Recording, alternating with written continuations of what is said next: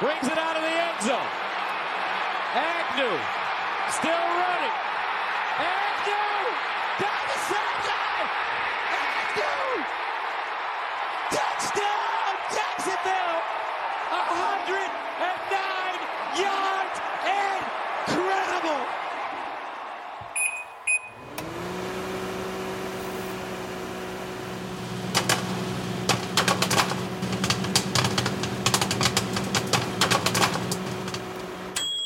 Ja, Elming, det her return, det var øh, sådan øh, forholdsvis øh, incredible. Det var et helt igennem fantastisk return, og det var Jamal Agnew, som endnu en gang viser, at han er øh, en af ligaens absolut farligste, når det kommer til returns, hvad enten det er punt return, kick-off return, eller som her, det man kalder en kick six, altså et misset field goal, der ja. bliver returneret til touchdown. Der er faktisk kommet et øh, spørgsmål fra Paul Jacobsen på det her spil. Han skriver sådan her til os. Kan I forklare, hvad det er, der sker i hovedet på Cliff Kingsbury? 68 yard field goal forsøg. Godt nok er chancen lille for, at den returneres til touchdown, men chancen er der yderst minimal den anden vej. Spillet Cliff Kingsbury lige lidt for smart der over for Jaguars. Jeg synes det faktisk ikke, fordi det er det sidste play i første halvleg, og de har fået Matt Prater ind, som bare har været helt genial for dem indtil videre. Og han forsøger det her 68 yard field goal, som så lige er to yards for kort. Det sindssyge det er jo, og det kommer vi tilbage til lige om lidt, at halvanden time senere, Ja, ja. der bliver NFL-rekorden for det længste field goal slået. Men Prater forsøger en 68, og jeg forestiller dig også, at Justin Tucker havde sparket den der 66'er. Og halvanden time senere, der havde Matt Prater sparket 68'er. Nå, han forsøger den der 68'er. Det lykkes ikke. Men det, jeg lægger mærke til, da de, da de, da de forsøger det her, det er selvfølgelig, at Jamal Agnew, han står dernede og håber på at få et return. Og det er Cliff Kingsbury og Cardinals sådan set fint klar over. Så de har trænet det her, mm. og de har sagt til deres spillere, når det har sparket det afsted, så er det lynhurtigt ned ad banen og få dækket op. Og der står fire mand omkring Jamal Agnew, eller Agnew, men han er bare så unik en returner, at han snyder lige den første bølge. Og da han har snydt dem, så er der lige en eller to mere, han skal snyde, og så får han jo hjælp af sine holdkammerater. Og på det tidspunkt der, så ender det jo med at blive en tangering af det længste play i NFL-historien. En fodboldbane 110 yards, du kan ikke gribe bolden. Eller det kan du godt, men det tæller. Du kan aldrig få et touchdown, der er længere end 109 yards, fordi hvis man siger 110, jamen, så står du principielt på baglinjen, og så er der out of bounds. Så du kan kun lave et touchdown på 109 yards. Og det var det. Det her det var 109 yards. Det tredje gang i historien, det er sket. Cordell Patterson har gjort det. Også en af NFL's absolut bedste returner. Uh, han har gjort det på et kickoff return. Og så Antonio Cromartie i en kamp, jeg selv kommenterede på TV2 Zulu i gamle dage, mellem San Diego Chargers, du har ikke sætte den på, og Minnesota Vikings. Og det touchdown er også på et kick six, hvor Antonio Cromartie rent faktisk griber, står på, altså nærmest baglinjen, mm-hmm. men med begge fødder inde, griber bolden, nærmest ud over baglinjen og returnerer den hele vejen. Det er NFL-historiens længste return, og den er principielt 110 yards, men rent statistisk i NFL-statistikbøger og rekordbøger, der kan du ikke lave et, der er længere end 109 yards. Jamal Agnew er nu i den der lille, eksklusive klub, og han er en af ligaens bedste returner. Den eneste spiller sidste år med to returns for, for touchdown, returnerer en i u 2 for touchdown, og nu her i u 3. Mm. Og det var så ikke øh, det eneste vilde spil i uh, uge 3, som vi selvfølgelig går igennem i den her udgave af NFL-showet, der er optaget live on tape og er produceret af Kvartrup Media i samarbejde med Tafel. Og oddset fra Danske Licensspil.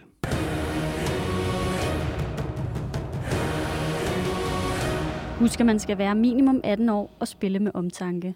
Har du brug for hjælp til spilafhængighed, så kontakt Spillemyndighedens hjælpelinje Stop Spillet eller udluk dig via Rufus. Regler og vilkår gælder. Og udover kampene, så kan du glæde dig til den øh, sædvanlige dækvis fra Armstrong, Crazy Stats fra Willumsen, ugen spiller for Tafel, skarpe spiltip til Odds.dk, og så skal vi også omkring øh, Tips 12-kupongen på Tips.dk og Odds-quizzen, hvor vi skal se, om der var nogen, der har ramt de seks udsagn fra sidste uge. Tak for de seneste anmeldelser i Apple Podcast. Tak fordi du downloader og lytter og bruger lidt af din tid sammen med os. Du ved, hvor du finder os. Det er alle de sædvanlige steder, så kan du som altid lytte på Danmarks største og bedste fodboldsite, gulklud.dk, og selvfølgelig også på nflsod.dk hvor du til med har muligheden for at støtte os med et øh, valgfrit beløb ved at trykke på linket til tier.dk øverst på siden. Det er der lige nu 687, der har valgt at gøre, så tusind tak til dig, hvis du er blandt de altså nu knap 700 gode mennesker, der bakker op om os. Linket til øh, tier.dk ligger i øvrigt lige ved siden af et øh, andet link, og det er linket til NFL Showet Shoppen, hvor du køber lidt af vores merchandise. Jeg hedder Thomas Kvartrup, og her kommer min medvært. Hey!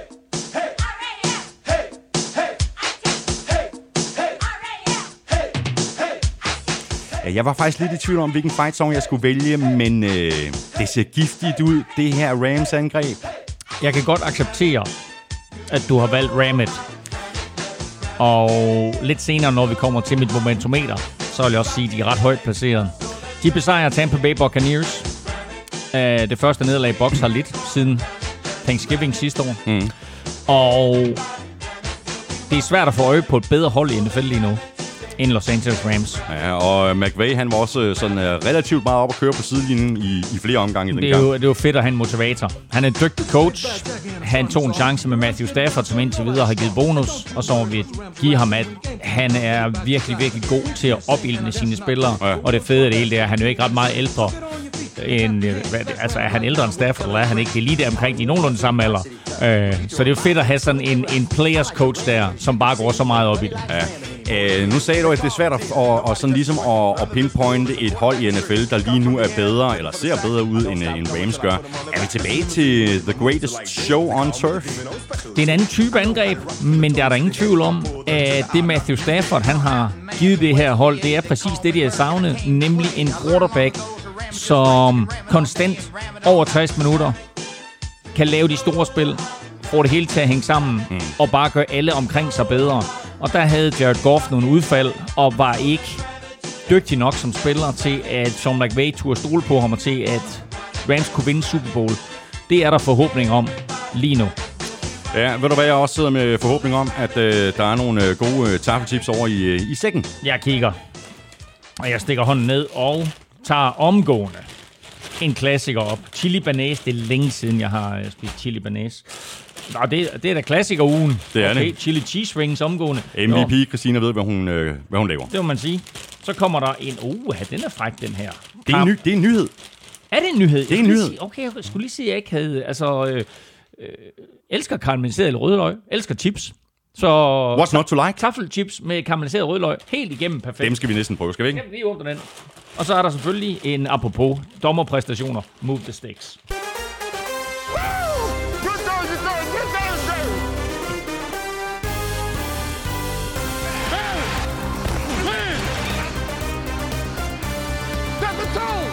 Chargers og Justin Herbert vandt over Chiefs og Mahomes, og Chargers har dermed helt officielt stemplet ind i kampen om AFC Vest. Chiefs ligger nu nederst med en negativ record. Raiders og Broncos er begge ubesejrede.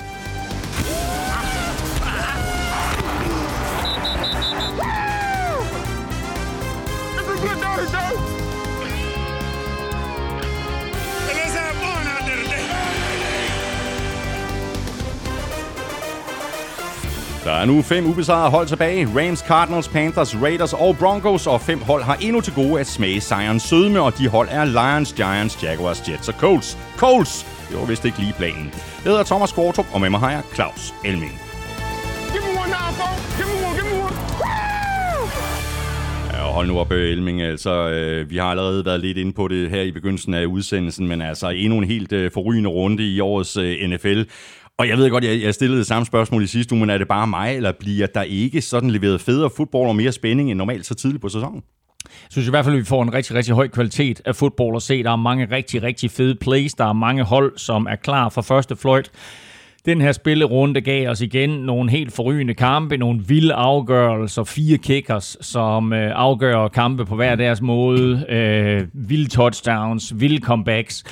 Men ser også et par blowouts, hister her. Mm. Så det er også et spørgsmål om, at øh, foran stille rulle bliver skilt for bukken. Ja. Øh, det var lidt vildt i de øh, tidlige kampe i søndag, så mange turnovers der var. Det er jo ikke dommernes skyld, men udover turnovers, så fik vi også en, en del flag og nogle lidt mærkelige kendelser. Og jeg synes desværre, at det her kendetegne de første tre spilleuger her, at der er for mange flag, og der er for mange unødvendige flag. Og så har vi faktisk også haft et par situationer, hvor der godt kunne være kastet et flag. Så det er en bekymrende tendens hos dommerne, at de på den ene eller anden måde får for stor indflydelse på kampene, og NFL gør jo diverse tiltag for, at blandt andet replay øh, skal være ensformigt over øh, alle 16 kampe igennem hele ligaen, øh, over en sæson for en sags skyld også. Øh, men dommerstandarden og den måde, som de her forskellige dommercrews, de dømmer kampene på, er stadigvæk vidt forskellig. Og der skal NFL på en eller anden måde få en eller anden form for konformitet. Og så blev øh, tredje spillerunde altså endnu et godt eksempel på, hvor vigtigt det er at have en øh, god kicker. NFL record 66 yards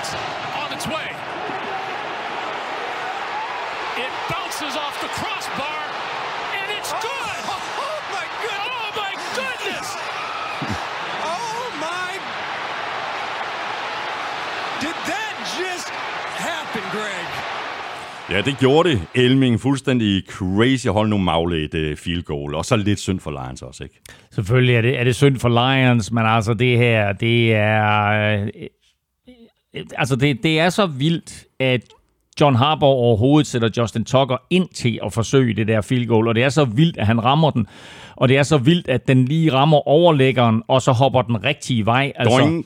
altså den har jo ikke 5 cm mere i sig, Nej. og er den 5 cm kortere, så hopper den den anden vej. Hmm. Så Justin Tucker er historisk nu. Spørgsmål her fra Nick Gosh. Øh, hvor mange måder kan Detroit smide en kamp på? Detroit har været notorisk kendt for at smide store føringer med Stafford bag center. Patienten har jo været syg i flere årtier efterhånden. Det lugter af fundamentale problemer internt i organisationen. Hvis I fik jobbet som GM, hvor vil jeres primære fokus så ligge? Jamen, altså nu, de har selvfølgelig haft en rigtig dygtig quarterback i Matthew Stafford i mange år, men altså det skal det skal være quarterback, som Lions de kigger på. Øh, de skal have en spilstyre ind, som er det her, man kalder en franchise quarterback. Vi ser de mandskaber, der har en franchise quarterback, at de bare er konstant bedre end alle andre mandskaber, uanset hvad der er af personale omkring den quarterback. Nu har Dan Campbell, som er ny head coach, han har taget den tilgang, at han, det er lidt en old school tilgang, men den fungerer med stor sandsynlighed, det er, vi fokuserer på den offensive linje og den defensive mm, linje. Mm. Og det er en fin tilgang, og det er en god start. Når det så er på plads, så skal det være quarterback, de satser på. Lions har en hulens masse draft picks i de næste par sæsoner her og øh, er også i gang med at trade lidt af arvesølvet væk, så de kan få endnu flere draft picks. Så der er generationsskifte på vej hos Lions. De startede med skyttegravene. Nu skal de have en quarterback ind, og så bygge op derfra. En spark her fra øh, Sebastian øh, Lytz. Han skriver sådan her, vildt Lions fact. I 1970 der tabte Lions på et rekordlangt 63 yard game-winning field goal. Den kamp endte også 19-17, hvor Lions lige havde scoret et field goal for at komme foran 17-16. Præcis det samme som i denne kamp mod Ravens. Hvordan kan det være tilfældigt? Jeg forlanger næsten en fuck lyd som respekt for en såret løve fan. Du får den her, Sebastian. Hadafar. Ja, det er da, det er da et vildt øh, stat, det her. Vildt sammentræf, for jeg kan da bare gentage, Hadafar.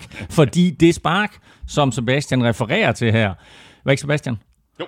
Øh, det er jo det legendariske Tom Dempsey spark. Øh, 63 yards, som øh, var den første 63'er i NFL, og jo stod i rigtig, rigtig mange år øh, som rekorden i NFL. Og øh, Tom Dempsey var jo handicappet i den forstand, at han var født uden to eller tre fingre på den ene hånd, øh, og uden tæer på sin sparkefod. Så øh, han havde jo sådan en øh, sko, som var, jamen det var en halv sko, han havde en, en normal sko på, på sin venstre fod, og så havde han en, en, en hel sko på den anden fod, eller sådan en, en halv sko på den anden fod, som havde en flad snude, øh, og øh, sparkede jo stivtog, Øh, Anders ingen tær, så jeg ved ikke, hvad man kalder en stivtog uden tær. Men, altså, men det var jo sådan, man sparkede i gamle dage. Det var ikke sådan en liggende bristspark. Det var simpelthen bare lige på og smækker den der ind fra 63. Og det sjove af det hele, det er også, at øh, målstolperne jo på det tidspunkt stod på mållinjen og ikke på baglinjen. Og det vil sige, at det spark her, det var altså fra Saints egen 37-yard linje. Så øh, langt ude i spark. Tom Dempsey laver den, bliver legendarisk. Øh, nogle coaches, sågar også lidt NFL, nogle, altså øh, folk, der bestemte, mente, at det var uretfærdigt, at han havde den der sko. Øh, fordi de sagde, det, det fungerede sådan lidt ligesom et, et, øh, et, et, et, et golfjern, en golfkølle, ikke? Øh, og så ved jeg ikke, om man havde sådan forskellige sko, sådan, nu skal jeg bruge et syvjern, nu skal jeg bruge et seksjern, nu skal jeg bruge en driver. Det var nok en driver, han brugte på det, på, på det spark der. Øh, men i 1977, der kom der faktisk en regel, som sagde, at man skulle have ensartede sko på, der skulle minde om sko. Og der blev ikke skrevet nogen steder, at det var på grund af Tom Dempsey, men det er men, generelt men det det. bare kendt, kendt som Tom Dempsey-reglen. Lions tab på en 63'er. Her taber de på en 66'er. Begge to rekordspark. Mm. Spørgsmål her fra Thomas W. Lauritsen. Øh, kan vi inden for en overskuelig fremtid se frem til fire kickers i Hall of Fame? Vinatieri kommer nok ind med pointrekord og en masse Super Bowls, men er Tucker ikke også efterhånden selvskrevet? Han er den bedste kicker, vi nogensinde har set, og han flytter konstant overliggeren for, hvad en kicker kan. Hvad tænker I? Jo, det tænker jeg også. Altså, de to kicker, der er inde lige nu, det er begge to udlændinge. Det er norske Jan Stenerød, og så er det danske Morten Andersen. Uh, så kommer Adam Vinatieri, uh, som han siger her, helt sikkert ind. Uh, og man kan sige om Justin Tucker, at det eneste, han mangler lige nu, det er sådan set flere år på CV'et. Mm. Fordi han er den mest præcise kicker. Han har været All-Pro, han har vundet en Super Bowl, uh, og nu er han også historisk med, med det længste spark i NFL-historien, så selvfølgelig er han på en eller anden måde selvskrevet. Men uh, han skal nok lige op og, og i hvert fald krydse 2.000 point øh, så ryger han ind. Men altså, det er da også på tide, at, at der er mere fokus på kicker i ja. en sport, der så selv hedder fodbold. Ja, og apropos øh, fokus på kicker, Lars Elgaard skriver til os, i uge 3 var der et utal af vigtige kampe, der blev afgjort af kickers i de døende sekunder. Jeg undrer så over, hvorfor nogle hold konsekvent negligerer og fucker op på kickerpositionen. Mm. I har selv været inde på det med for eksempel Matt Prater de sidste par uger. Men hvorfor er det sådan? Er det en indgroet kultur blandt gamle nisser af nogle coaches, at kickers hører til på bænken, eller er nyere coaches lige så slemme? Eller ser vi bare på det med alt for fodboldinspirerede europæiske øjne? Nej, jeg synes, at det er en meget valid pointe, og jeg synes, at den bliver mere og mere valid. Og vi, vi havde det faktisk præcis det samme op i sidste uge, ikke? at efterhånden, som så mange kampe bliver afgjort af så få point, mm. øh, i Sidste uge, øh, efter to spillerunder, der var der, der, var der, øh, der var der 10 kampe, der blev afgjort af tre eller færre point. Det er næst flest i NFL-historien. I den her uge, ikke, der har vi altså fire kickere, som afgør kampe på det sidste spark. Det må på en eller anden måde sende et vink med en vognstang ja. til de andre. Altså det er 16 kampe, hvoraf præcis en fjerdedel bliver afgjort af en kicker på det sidste spark. Øh, Young Ho Koo sparker den ind fra, fra 50. Øh, Mason Crosby sparker den ind fra 51, mener jeg det er. Øh, Daniel Carlson laver to field goals i overtime for Raiders. Og så har vi Justin Tuckers 66'er. Justin Tucker er selvfølgelig unik, men altså, du kan sige, Matt Prater får lov til at forsøge en 68'er, så han er også op mm. i det der felt. Men du skal da ikke bilde mig ind, at du ikke kan finde 32 kicker, som på en eller anden måde, set over en bred kamp, er højere end det niveau, der er i, i øjeblikket, og så vi undgår den der enorme svingdør, der mm. er på kicker også. Mm. Og som du også var inde på i sidste uge, Elming, netop at der skal være mere fokus på, altså også under træning, fordi det, det er noget helt andet end de andre positioner på et fodboldhold. Ja, det, det, det er noget helt andet, både, både de, de fysiske egenskaber, der skal til, men også det mentale aspekt, der går ind i at være kicker. Og som jeg nævnte i sidste uge, der er kun tre hold i NFL, der har en kicker-coach. Ja. Alle andre, de lader special teams-koordinatoren øh, håndtere det. Og det er altså øh, typisk en, øh, en, en special teams-koordinator, som øh, måske har spillet lidt fodbold selv, men i hvert fald aldrig nogensinde har sparket til en bold.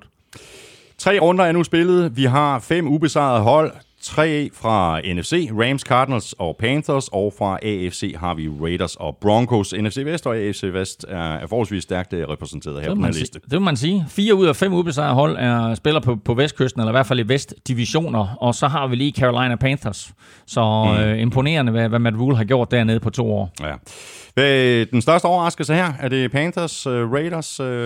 Ja, det er en af de to i hvert fald. Ja. Uh, men jeg vil også sige, at der er overraskelser blandt dem, der er 3-0, men der er også overraskelser blandt dem, der ikke ja. er 3-0. Og altså, som vi måske havde forventet skulle være 3-0. Altså Chiefs. For eksempel, som er, som er, er, er, er 1 og 2, ikke? Bills er 2 og 1, Packers er 2 og 1, ikke? Altså, ja, ja. Så øh, der, er, der er sket ting at se her i de første mm. tre spiluger.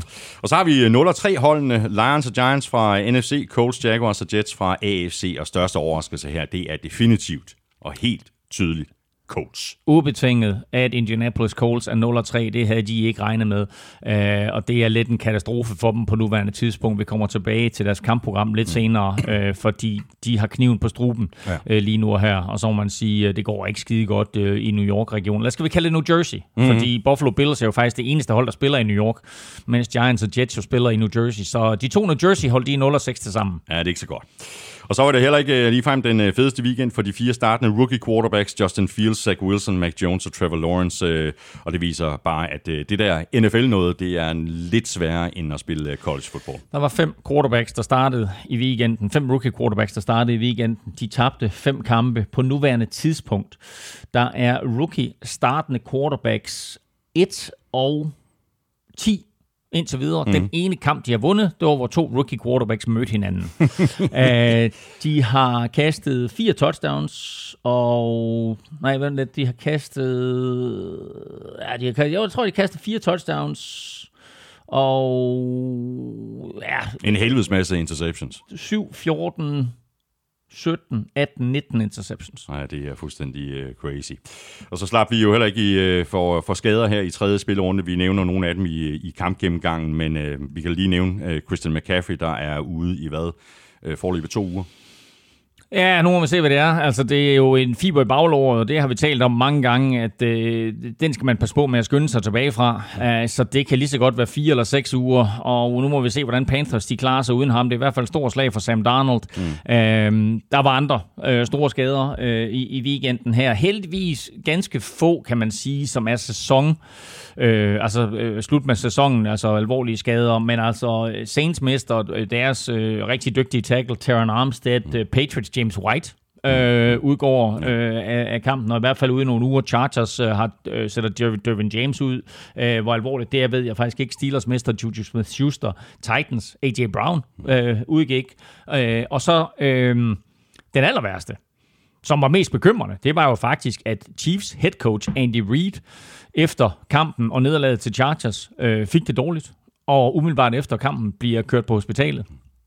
Øh, angiveligt er det ikke alvorligt. Det var en dehydrering eller et eller andet, men han tilbragte lige et enkelt døgn på hospitalet, og vi ved at han har haft lidt hjerteproblemer ja, før, ja. Så, så det her, det var, det var en lidt bekymrende melding, men alt skulle være okay. Og så blev uh, rookien øh, J.C. Horn jo også skadet i torsdag, så nu har Panthers så traded sig til øh, C.J. Henderson fra Jaguars, der så til gengæld får et tredje rundevalg og tight end Dan Arnold retur. Og Henderson blev jo øh, taget med pick nummer 9 i, i draften i, i 2020, men det er en meget mærkelig historie med, hvorfor at... Øh, hvad, hvad det er, der er foregået i Jacksonville med ham. Jamen altså, C.J. Henderson kommer ind, og øh, jeg tror bare, han har været træt af at være i en organisation, der ikke er veldrevet og har tabt en frygtelig masse kampe, og så kommer Urban Meyer ind, øh, og, øh, og, og tror, at han skal styre det hele. Det skal han sådan set også som head coach, mm. men det er der nogle spillere, der ikke finder sig i, og øh, der har fra første fløjt været komplikationer med CJ Henderson og Urban Meyer, så det var bare et spørgsmål om, hvornår øh, at han røg ud, og her der kom der altså en god trade partner, som tilbød øh, Jaguars noget, som de har let efter, nemlig en tight end. Uh, det skal faktisk siges, at uh, Panthers egentlig ikke vil af med, uh, med Arnold der, men, og det er jo ærgerligt, at vi mister den der Darnold til Arnold mm. connection hos Panthers. Men de vil ikke af med, med den Arnold der. Uh, men det var simpelthen uh, et krav fra Jaguars, at han skulle indgå i den trade. Så øh, på en eller anden måde, så synes jeg jo ikke, at han er sådan en stor profil, men øh, det mente Jaguars, altså mm. at det var en spiller øh, og en position, som de havde behov for noget hjælp på. Så øh, Tim Tebow-projektet er øh, øh, endelig øh, en saga blot, og nu har de altså hævet en tight end ind her, som, øh, som de føler, der er noget fremtid i. Mm. Og så sender de så CJ Henderson den anden vej. Et, er det en super god opgradering, hvis han har øh, det mentale mester, CJ ja, Henderson, ja. for Panthers. Øh, og to, alt afhængig af, hvor slem øh, skaden er til JC Horn, så man vil sige, så øh, bliver det der forsvar, det bliver altså mere og mere giftigt. Nu er der jo stadigvæk et øh, godt stykke tid til, at øh, slutspillet går i gang. NFL har så allerede annonceret, at øh, der også vil blive øh, spillet fodbold om mandagen i øh, wildcard-runden, og det er jo øh, gode nyheder for, for os fans, der ikke kan få nok dage med fodbold, men måske knap så fede nyheder for os herovre på den anden side af, af Atlanten. Ja, men Money Talks, og det her, det var vigtigt for NFL at øh, få en øh, mandagskamp med øh, på programmet, så nu kommer der altså wildcard-kampe lørdag, søndag og mandag. Øh, klokken 19 kampen lørdag, som jo var en, fed tilføjelse ellers, mm. bliver fjernet igen fra programmet, og, og det er den, der bliver lagt mandag. Ja, ja. Så øh, det, bliver altså, øh, det bliver altså med to kampe lørdag, tre søndag, og så en enkelt mandag. Og så er der jo straks øh, folk fremme og siger, det er da super uretfærdigt, hvis du skal spille om mandagen, og så skal spille igen ugen efter. Men der er ingen forskel på, kan man sige, at have spillet den foregående søndag, og så skulle spille en lørdag. Der er også seks dage imellem, og NFL har jo øh, ikke endelig meldt ud, men det ligger i hvert fald i kortene, at vinderen fra mandagskampen spiller den efterfølgende søndag, så der er der igen seks dage til at spille i. Spørgsmål her fra øh, Claus Nielsen. Øh, han skriver sådan her, er der maks på, hvor mange wildcard-hold, der kan være fra en division? Eller kan man forestille sig, at øh, en division kan få alle hold med i playoffs, altså vinderen plus tre wildcards? Jamen altså, i teorien kan det jo godt lade sig gøre. Øh, udfordringen er selvfølgelig lidt, at man jo spiller mod hinanden internt, og det vil sige, at der er nogle nederlag, øh, som naturligt vil opstå den ene eller den anden vej, og derfor så kan det godt blive problematisk at skulle vinde nok kampe, men vi ser det år efter år, at der er en division, der leverer to hold som minimum øh, som wildcards. Det vil sige, at du har de fire divisionsvindere, og som noget nyt fra sidste år, så kom der altså så øh, tre wildcard-hold med, og de wildcard-hold er jo ikke toer. Det vil sige, det er ikke de bedste toer, men det er simpelthen de bedste hold. Altså de hold, der har vundet flest kampe ud over de fire divisionsvindere. Så principielt kunne en division i teorien godt levere alle tre Ja, wildcard. der er i hvert fald ikke nogen øh, regel imod, Præcis. at øh, der kan komme fire hold øh, fra en division i slutspillet. Så kan vi lige runde den her del af med en øh, crazy historie om Cowboys offensiv tackle Lael Collins, der efter øh, åbningskampen mod Buccaneers fik en karantæne på fem spilledage, og nu er der så kommet nyt frem i øh, sagen som øh, jo blandt andet øh, behandler på gulklud.dk. Øh, Collins har efter sine forsøgt at bestikke en official fra ligaen. Altså, jeg synes jo, det der det er en fuldstændig igennem vanvittig historie, at man forsøger at bestikke en official. Øh, et, at han gør det. To, jeg har ingen anelse om, hvad det er sådan, at han tilbyder vedkommende, men det må være et anseligt beløb, siden han tør gøre det. Det skal også være et spørgsmål, hvor det sådan, at han tænker, ah, ham der eller hende der øh, vil måske godt tage imod bestikkelse. Mm. Men det mest bizarre, synes jeg, skulle da er, at man kun får fem spildags karantæne for det.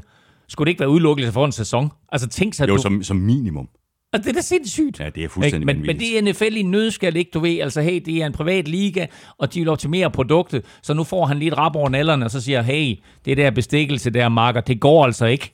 Ikke? Det skal du lade være med. Ikke? du så får han fem spildags karantæne. Vi skal have quizzen. Åh, Det er tid til quiz, quiz, quiz, quiz. Hy, hy. Nu skal vi have quizzer. Elming og quizzerne de præsenteres jo i samarbejde med Bagsvald af Chris. La quiz! Yeah! Hvad har du af løjerlige ting til mig? Jeg er ked af det. Nej da. Jo, fordi jeg kunne virkelig godt tænke mig, at jeg lige nu i hovedet kunne huske den der Jeopardy-melodi. Hvordan er det Jeopardy-melodien, den er? Ved du, jeg har en melodi i hovedet, men jeg tror ikke, det er Jeopardy. Nej, ved du, hvad du har i hovedet? Du har tv-køkkenet. Nej det har jeg ikke. Nå, okay, fordi... Når Jeg, jeg, jeg tror, jeg har løg i hjulet. prøv, prøv. Du, du, du, du, du, du, du, du. Nå, anyway, det er, det er ikke lykkehjulet. Men i dag, Thomas... Men vil du have tv-køkkenet, eller hvad? i For jeg har, den har jeg. Nej, nej, nej, nej. I dag skal vi spille Jeopardy. Nå, Og det vil sige, at det er mig, der har svaret. Okay. Og det er dig, der skal stille spørgsmål. nej, hvor sjovt. Ja. Nå. Og øh, svaret i dag er svenske Ove Johansson, der spillede fodbold i Texas og havde en kort NFL-karriere. Svenske Ove Johansson. Der spillede college football i Texas og havde en kortvarig NFL-karriere. Og der vil du gerne have et spørgsmål. Der vil jeg gerne have et spørgsmål. Jeg kan finde på rigtig, rigtig mange spørgsmål Men til det er, svar. det, det, det er Jeopardy-spørgsmålet.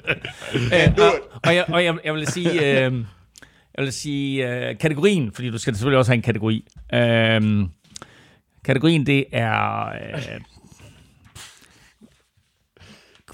øh, fodboldrekorder. Ah, der, der hjælper dig. Nå. Ole Johansson, skulle man Ove. kende... skulle, Ikke, ikke Ole. Ove. nej, Ove. Ove. Ove. Øh, skulle man kende ham? Ja, naturligvis. Alle ved sgu da, hvem Ove Johansson er. Oh, ja, nej, det kan jeg godt nok ikke. Nå, du får øh, det quizzen her fra Søren Armstrong. det er en kendt sag, at den bedste la quiz dufter af sejr og smager af lakrids. Tafels la chili, la cheese, la chips komplementerer la oddset og ugens la tips. Perfekt selskab, når stuen la rocker, og vi forkæles af Justin Mother Tucker. Mange ting i NFL kan man ikke forvente. Hvilke tre starter har den højeste completion procent? I have no freaking clue. Åh, oh, oh, oh, oh, du. oh, den ene kender jeg. Han spiller i lilla.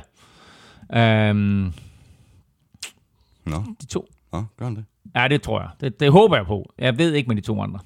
Så, nå, vi håber. Jeg ved ja, det. Jeg ved det, det er godt. Ja, og jeg har øh, simpelthen ingen anelse om, hvad jeg skal stille af spørgsmål på Ove Johansson. no idea. Nå godt, Elming. Nu hopper vi i kampen. Vi ja. napper den uh, sidste kamp som den første Monday Night-kampen fra i nat mellem Cowboys og Eagles. En kamp, som uh, Cowboys dominerede og vandt med 41-21. Dak Prescott var tilbage på AT&T Stadium for første gang siden sin ankelskade for næsten et år siden, og han så godt ud 21 af 26 for 238 yards, tre touchdowns og en passer rating på 143,3.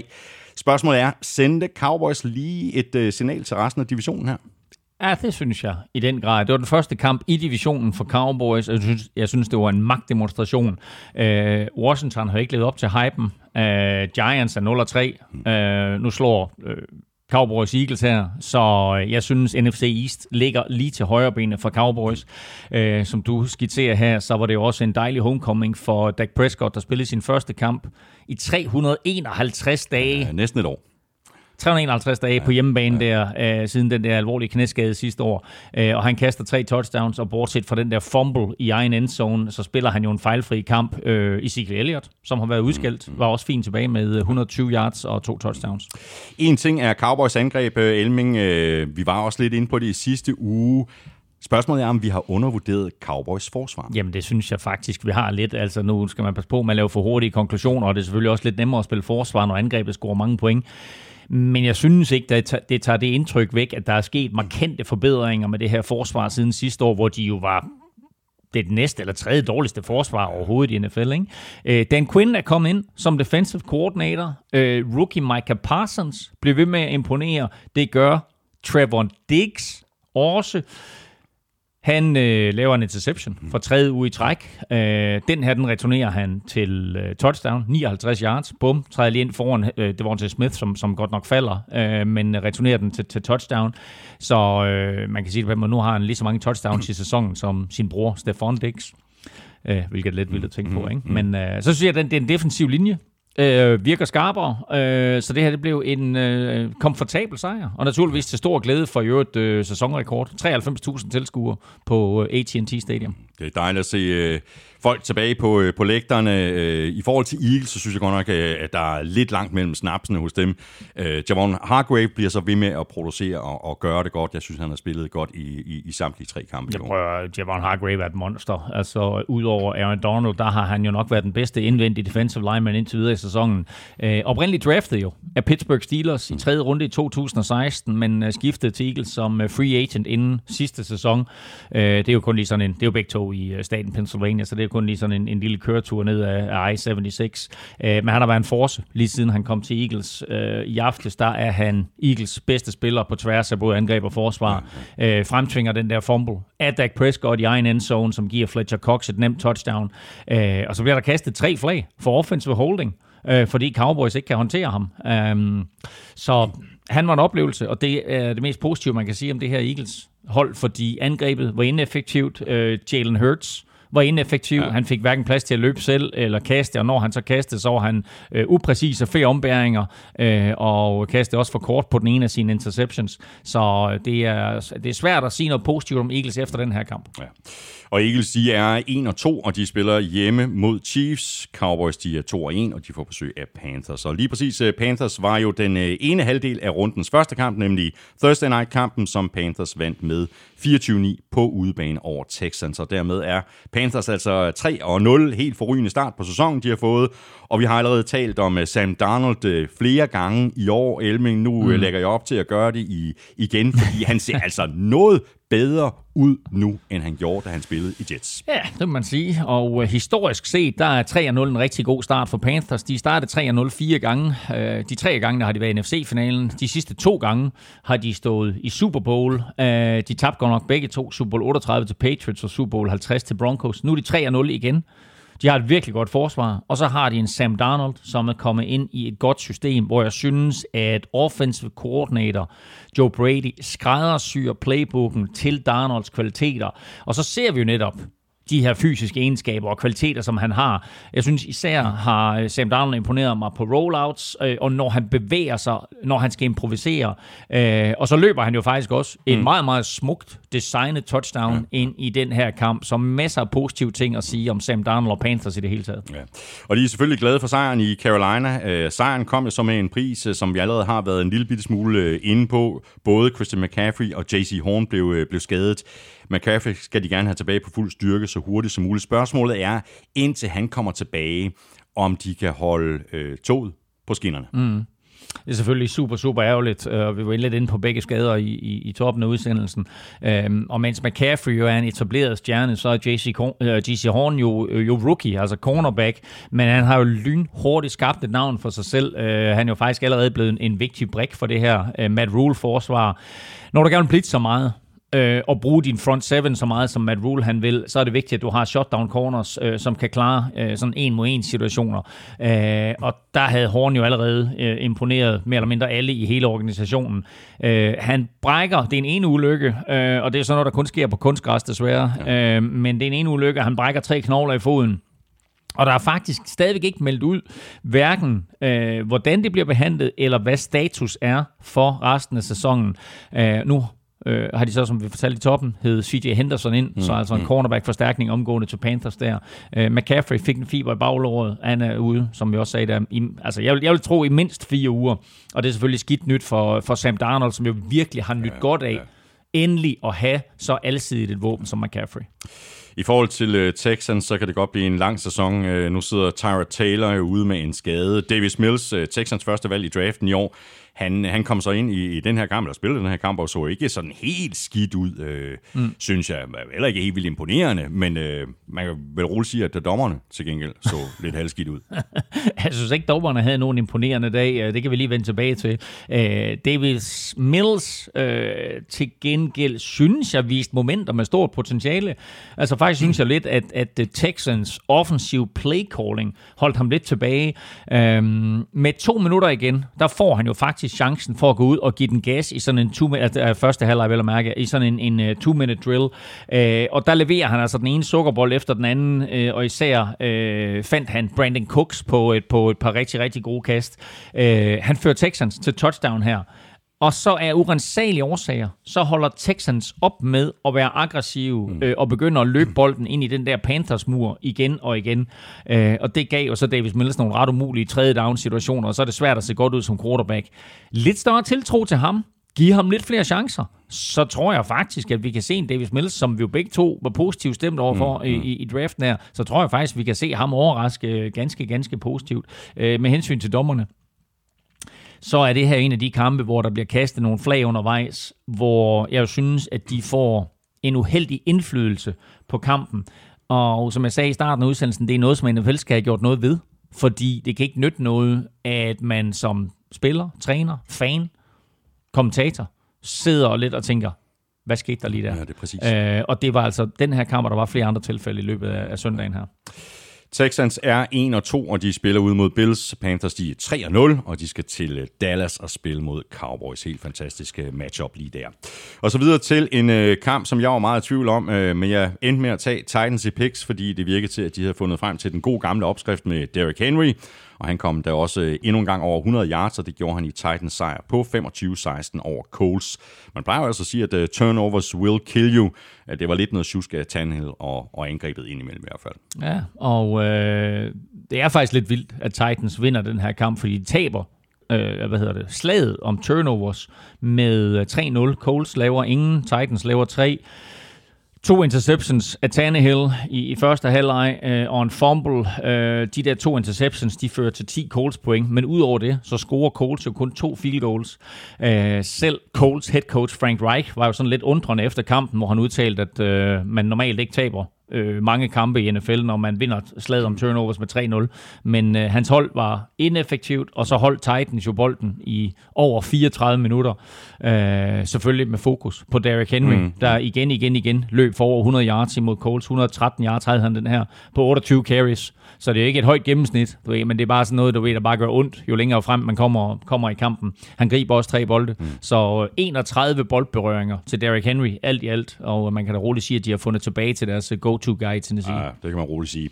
Et godt øh, gammelt ordsprog i NFL er altså turnovers will kill you. Et andet øh, godt gammelt ordsprog, det er, at øh, defense wins championships. Mm. Og jeg ved ikke, om Titans de vinder Super Bowl, men øh, nu er de der 2 og 1, og må ikke, at de er 3 og 1 efter næste weekend, hvor de spiller mod Jets. Nu skal man aldrig sige aldrig. Nej, det skal man I, ikke. I, I NFL, men der er der, der er der en rimelig sandsynlighed for det. Uh, vi var i tvivl om i sidste uge, om Carson Wentz vil blive klar til den her kamp. På trods af to forstuede ankler, så bliver han altså klar, og han spiller, men uh, han havde det svært imod et uh, Titans forsvar, som faktisk, synes jeg, har overrasket positivt. Uh, de skaber ikke nogen turnovers, men de spiller en flot omgang bend but don't break, øh, hvor de skruer bissen på, så snart Coles nærmede sig endzone. Øh, Coles de har faktisk bolden to gange inden for 10-linjen i anden halvleg, og kommer derfra med to field goals. Øh, og så, øh, når man kombinerer det med, med, med, med, med et stærkt løbeangreb og evnen til at holde bolden inden for egen række, så har man altså formen til mm. at vinde kampe og komme langt i NFL. Uh, Tannehill spiller ikke sin bedste kamp. Han Nej. slutter 18 af 27 for små 200 yards med tre touchdowns. På trods af, at han er uden A.J. Brown det meste af kampen. Julio Jones står af uansagelige årsager og kigger på fra sidelinjen. Jeg ved ikke, om han på en eller anden måde har sat sig selv i det doghouse der. Øh, der var ikke nogen konkrete meldinger fra Titans mm, efter kampen omkring, hvad det gik ud på. Og så løb Tannehill faktisk også bolden selv for 56 yards, hvilket jeg er lidt overrasket over at finde ud af, at det er mest i karrieren for ham. Jeg Okay. tror, han har haft nogle kampe med mange flere yards, men uh, her viser han altså igen, at, at han kan godt løbe, når der er behov for det. Carson Wentz øh, så ikke sådan helt frisk ud, synes jeg. Det virker i hvert fald, som om han selv er, er, er lidt bevidst om sine egne fysiske begrænsninger, så snart han ikke følte, at han var i stand til at lave noget med benene, så smed han bolden væk med det samme. Mm. Hvad værre er, Elming, nu er Colts altså 0-3, og det var ikke helt planen, vel? Det var på ingen måde planen, og de skal have nogle sejre meget, meget hurtigt, hvis ikke den her sæson den skal være overstået, inden de får set sig om.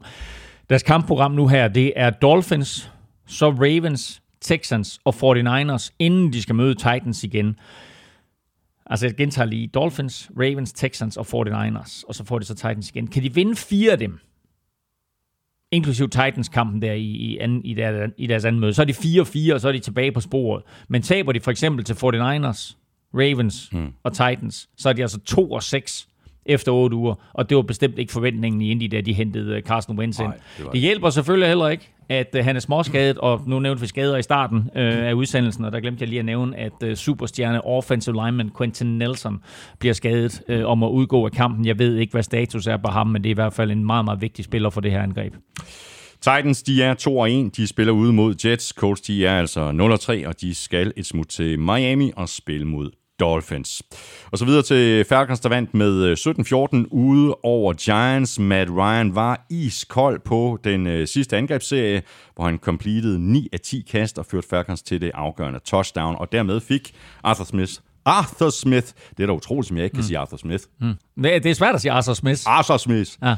Han fik i hvert fald sin øh, første sejr som, øh, som head coach. Ja, og nu, nu siger du afgørende touchdown. Det er selvfølgelig udlignende touchdown, fordi det er Young, Young Wei Ku, Ja, eller Young Ho Ku, øh, som afgør det. Men øh, det er svært at få sejre i NFL, og øh, super, super fedt for Arthur Smith, at øh, han, han får den her. Det er, det er vigtigt.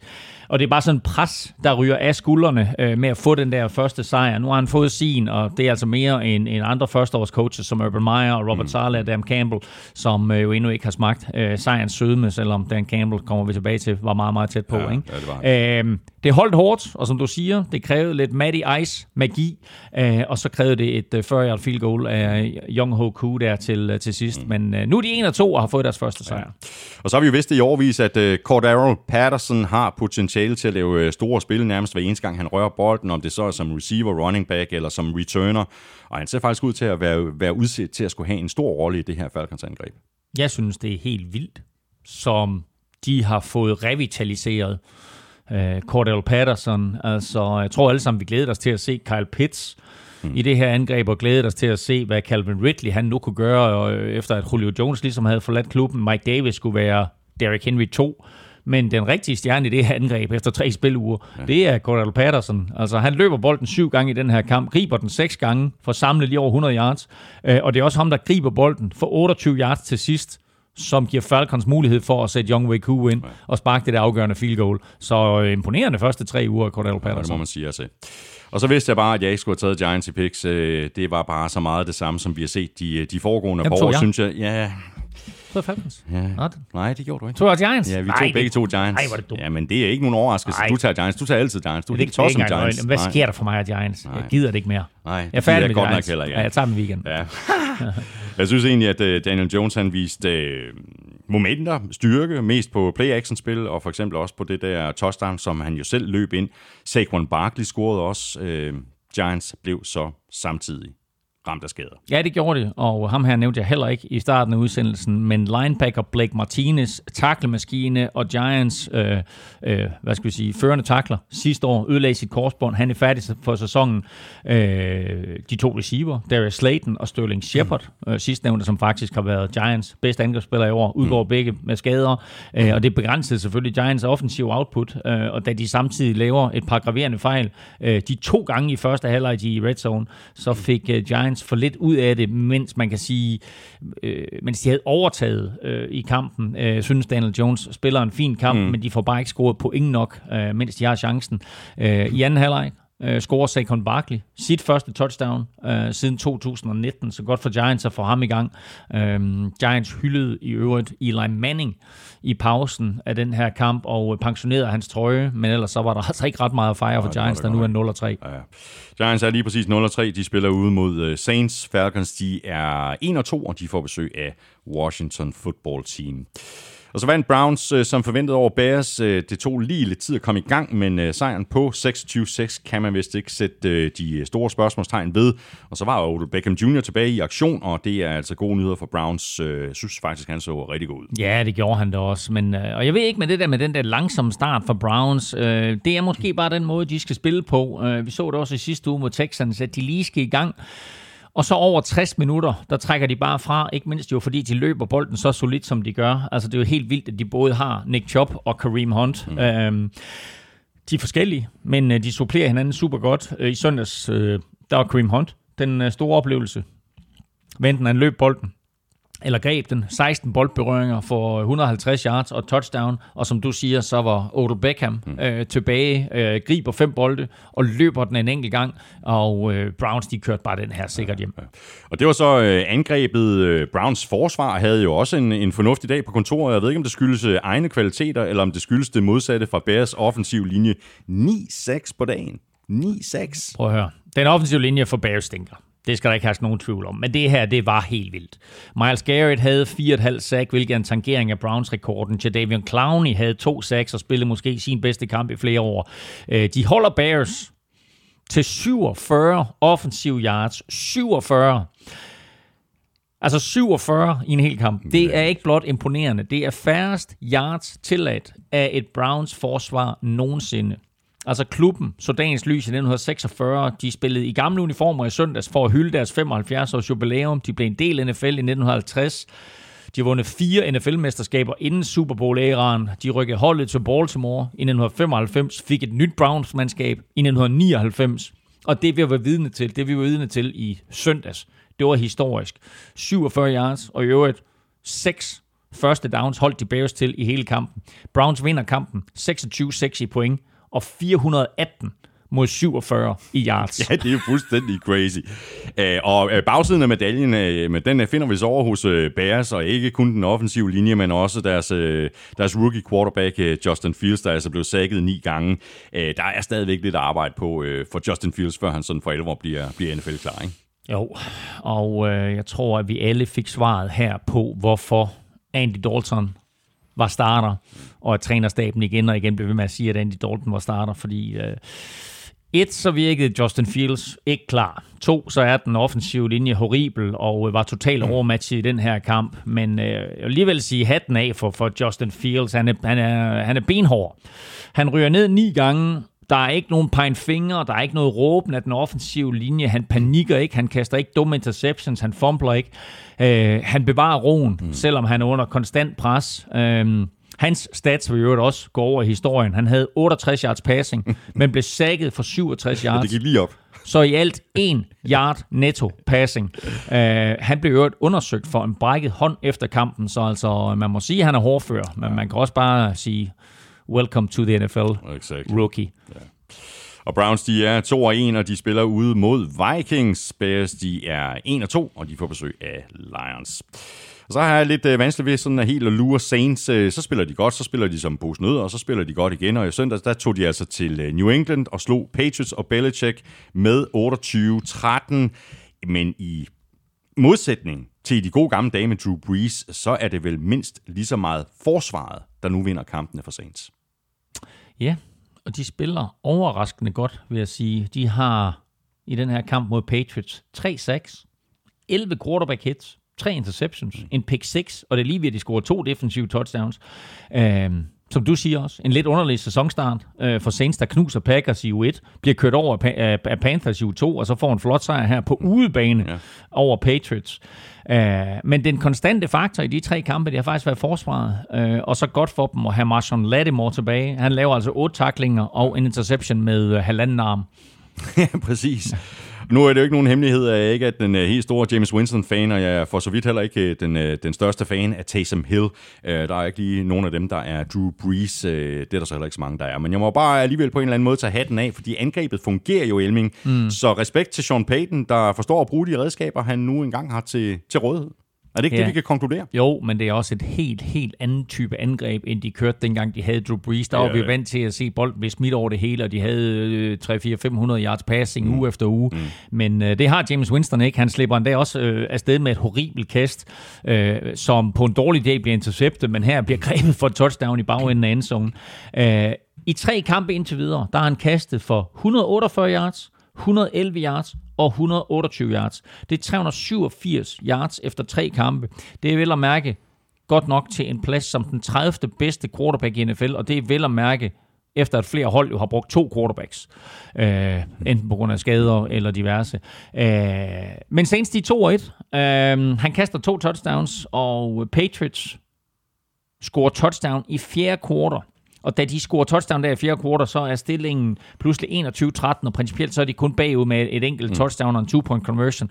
Og så fyrer James Winston lige sådan et uh, 73-yard drive af, som slutter af med, at Taysom Hill kommer ind mm. øh, og løber bolden ind øh, for, for touchdown. 28-13, game over. Ja. Stille og roligt kørt hjem, ikke? Ja.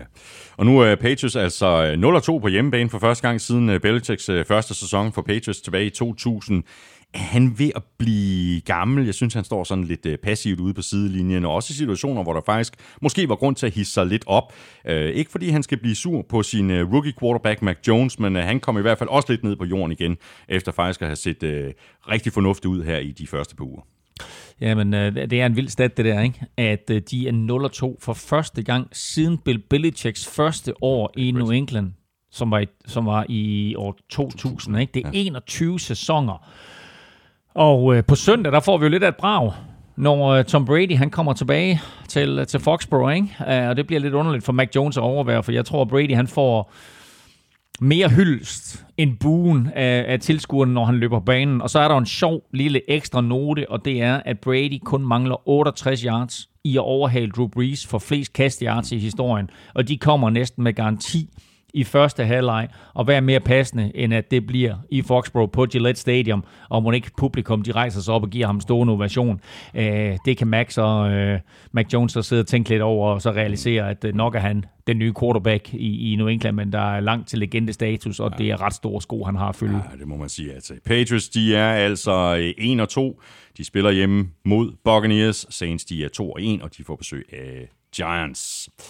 Og så vandt uh, Bills med 43-21 over Washington football team, og hvis uh, Josh Allen og Bills angrebet ikke allerede var stemplet ind i 2021-sæsonen, så er det det i hvert fald nu. Uh, receiveren de skabte masser af plads, og Washington havde meget vanskeligt ved at få sat en prop i det her Bills-angreb. Ja, det man sige. Og hvordan Bills de tabte til Steelers i spil U1, det har jeg ingen anelse om. De så faktisk heller ikke særlig øh, skarpe ud i sidste uge, men jeg skal da love for, at de kørte Washington midt over i søndags. Øh, havde det ikke været for et par heldige, skråstrej store Washington plays midt i første halvleg, så ender det her jo meget mere ydmygende end 43-21. Bills forsvar har været virkelig godt indtil videre i sæsonen, og øh, her der får de jo faktisk også Taylor Heineke til at ligne den backup, han reelt er. Øh, de tvinger ham til to interceptions, og tager du hans 73-yard touchdown til Antonio Gibson væk, så kaster han for 138 yards til resten af kampen og rammer på lige over halvdelen af sin kast. Josh Allen han uh, completed 32 af 43 for 358 yards og fire touchdowns plus et touchdown på jorden. Det er så også derfor, vi uh, nominerede ham til, til ugens spiller. Uh, Washingtons engang så frygtede forsvar fik ikke fat i ham en eneste gang. Bills er tilbage på 2020-niveau, mm. sådan ser det i hvert fald ud. Men det er vel angrebet, der imponerer, og ikke så meget forsvaret og special teams, eller hvordan ser du det? Nå, men nu sagde jeg lige, at jeg synes faktisk, at forsvaret var fantastisk for, for Bills i de første tre kampe, men her får vi angrebet at se mm. i 2020-form. Uh, det er selvfølgelig en anden tidsalder, og, og, og angreb de kaster meget mere, men det her, det var Josh Allens femte kamp i karrieren med over 300 yards og fire touchdowns, og dermed så overhaler han faktisk uh, Hall of Famer uh, og legende uh, Jim Kelly for mm. flest i Bills historie, og det er trods alt en mand, der, der kastede en hel del og havde The K-Gun uh, angreb opkaldt efter sig. Nu har Allen altså allerede i sit fjerde år øh, Øh, overhalet legendariske Jim Kelly. En af grundene til, at Josh Allen øh, lignede sig selv igen, er at måske, at øh, han fandt ud af, hvor god Emmanuel Sanders er. Øh, ny mand i, øh, i Bills-uniformen, griber to touchdowns i den her kamp og har fem catches for små 100 yards. Øh, nu skal vi og Bills fans jo ikke tage glæderne på forskud, men vi talte om, at Rams måske ligner det bedste hold i NFL det er svært lige nu at finde et hold, der ser bedre ud i AFC end Bills. Hmm. Uh, og så tænker jeg lidt, at det her det måske kunne være året, hvor Josh Allen gør noget, som Jim Kelly aldrig gjorde, nemlig at give Buffalo en Super Bowl. Ja. De øh, havde, der var så lige, lige nu, lige der, var lige, der var lige fire spil, år, hvor de, spil, hvor de forsøgte sig. Spil ikke? U3 for heste konklusion. Super Bowl, Rams, Rams mod Bills. Bills. Ja, men altså, hvis de spiller, som de gør nu, så er det ikke, så er det ikke fuldstændig urealistiske bud. Øhm, I forhold til Washington, en ting er, og, og, og det kan man jo lidt øh, forvente, at øh, Taylor Heineke øh, har sine op- og nedtur. Han er stadigvæk ung og uprøvet. Men hvad i al verden sker der med det her øh, forsvar? Altså, vi talte også om det i sidste uge. Vi havde også lytterspørgsmål. Øh, den defensive linje består udelukkende mm. af første rundevalg. Mm. Det synes jeg ærligt talt er en lille bitte smule svært at se. Jeg har ingen anelse om, hvorfor det her Washington-forsvar, de ikke lever op til den store hype, men uh, det ser ikke godt ud i øjeblikket. Uh, Chase Young og company får ikke lagt pres nok på modstandernes quarterback. Altså, vi elsker jo den der, uh, den der lille, hvad kalder man det? Jeg kalder det ikke et slogan, men det er jo det er nærmest sådan lidt, uh, altså de der tre navne, ikke? Uh, Chase. Sweats og. Mm. Øh, og vi har ikke set noget til dem øh, overhovedet. Øh, man kan løbe mod det her Washington-forsvar, og jeg tror, håbet var jo lidt, at uh, rookie linebacker Jamin Davis, han skulle komme ind sådan og være oprydder bag den defensive linje. Mm. Men øh, når den defensive linje ikke fungerer, øh, og de etablerede stjerner ikke har været gode nok indtil videre, så er det lidt svært for ham at komme ind og, og virkelig få en impact. Øh, uden pres på modstandernes øh, quarterback, så bliver svagheden i de bagerste glæder også udstillet. Og altså 0-6 i den her kamp, 0 turnovers i den her kamp. Det her, det var bestemt ikke det, vi havde forventet at Washington forsvar inden sæsonen. Nej. Og Washington, de er 1 og 2, og de skal til øh, Atlanta og spille mod Falcons. Bills, de er 2 og 1, og de spiller hjemme mod Texans. Så så mangler vi bare et øh, lille æg til Jets, inden vi skal til øh, ugens spillere have trukket lader om kasse Tafel Chiefs. 26-0 endte kampen mellem Broncos og Jets. Det er aldrig sjovt at få et æg, øh, slet ikke som ny head coach, øh, der godt ved, at han har overtaget et genopbygningsprojekt, men som jo samtidig også gerne skulle kunne sådan etablere en tro på fremtiden og der hjælper et, et æg altså ikke specielt godt. Nej, det kan man ikke påstå, men altså jeg vil sige det på den måde, at vi talte i store vendinger om Broncos forsvar og det potentiale, som det havde på, på, på, på, på, på papiret øh, inden sæsonen. Og det her Broncos forsvar, det er lige så godt som averteret. Det var sæsonens første æg af noget hold. Øh, de sækker Zach Wilson fem gange, laver to interceptions, stopper Jets på fjerde down to gange. De holder Jets til 55 yards i første halvleg.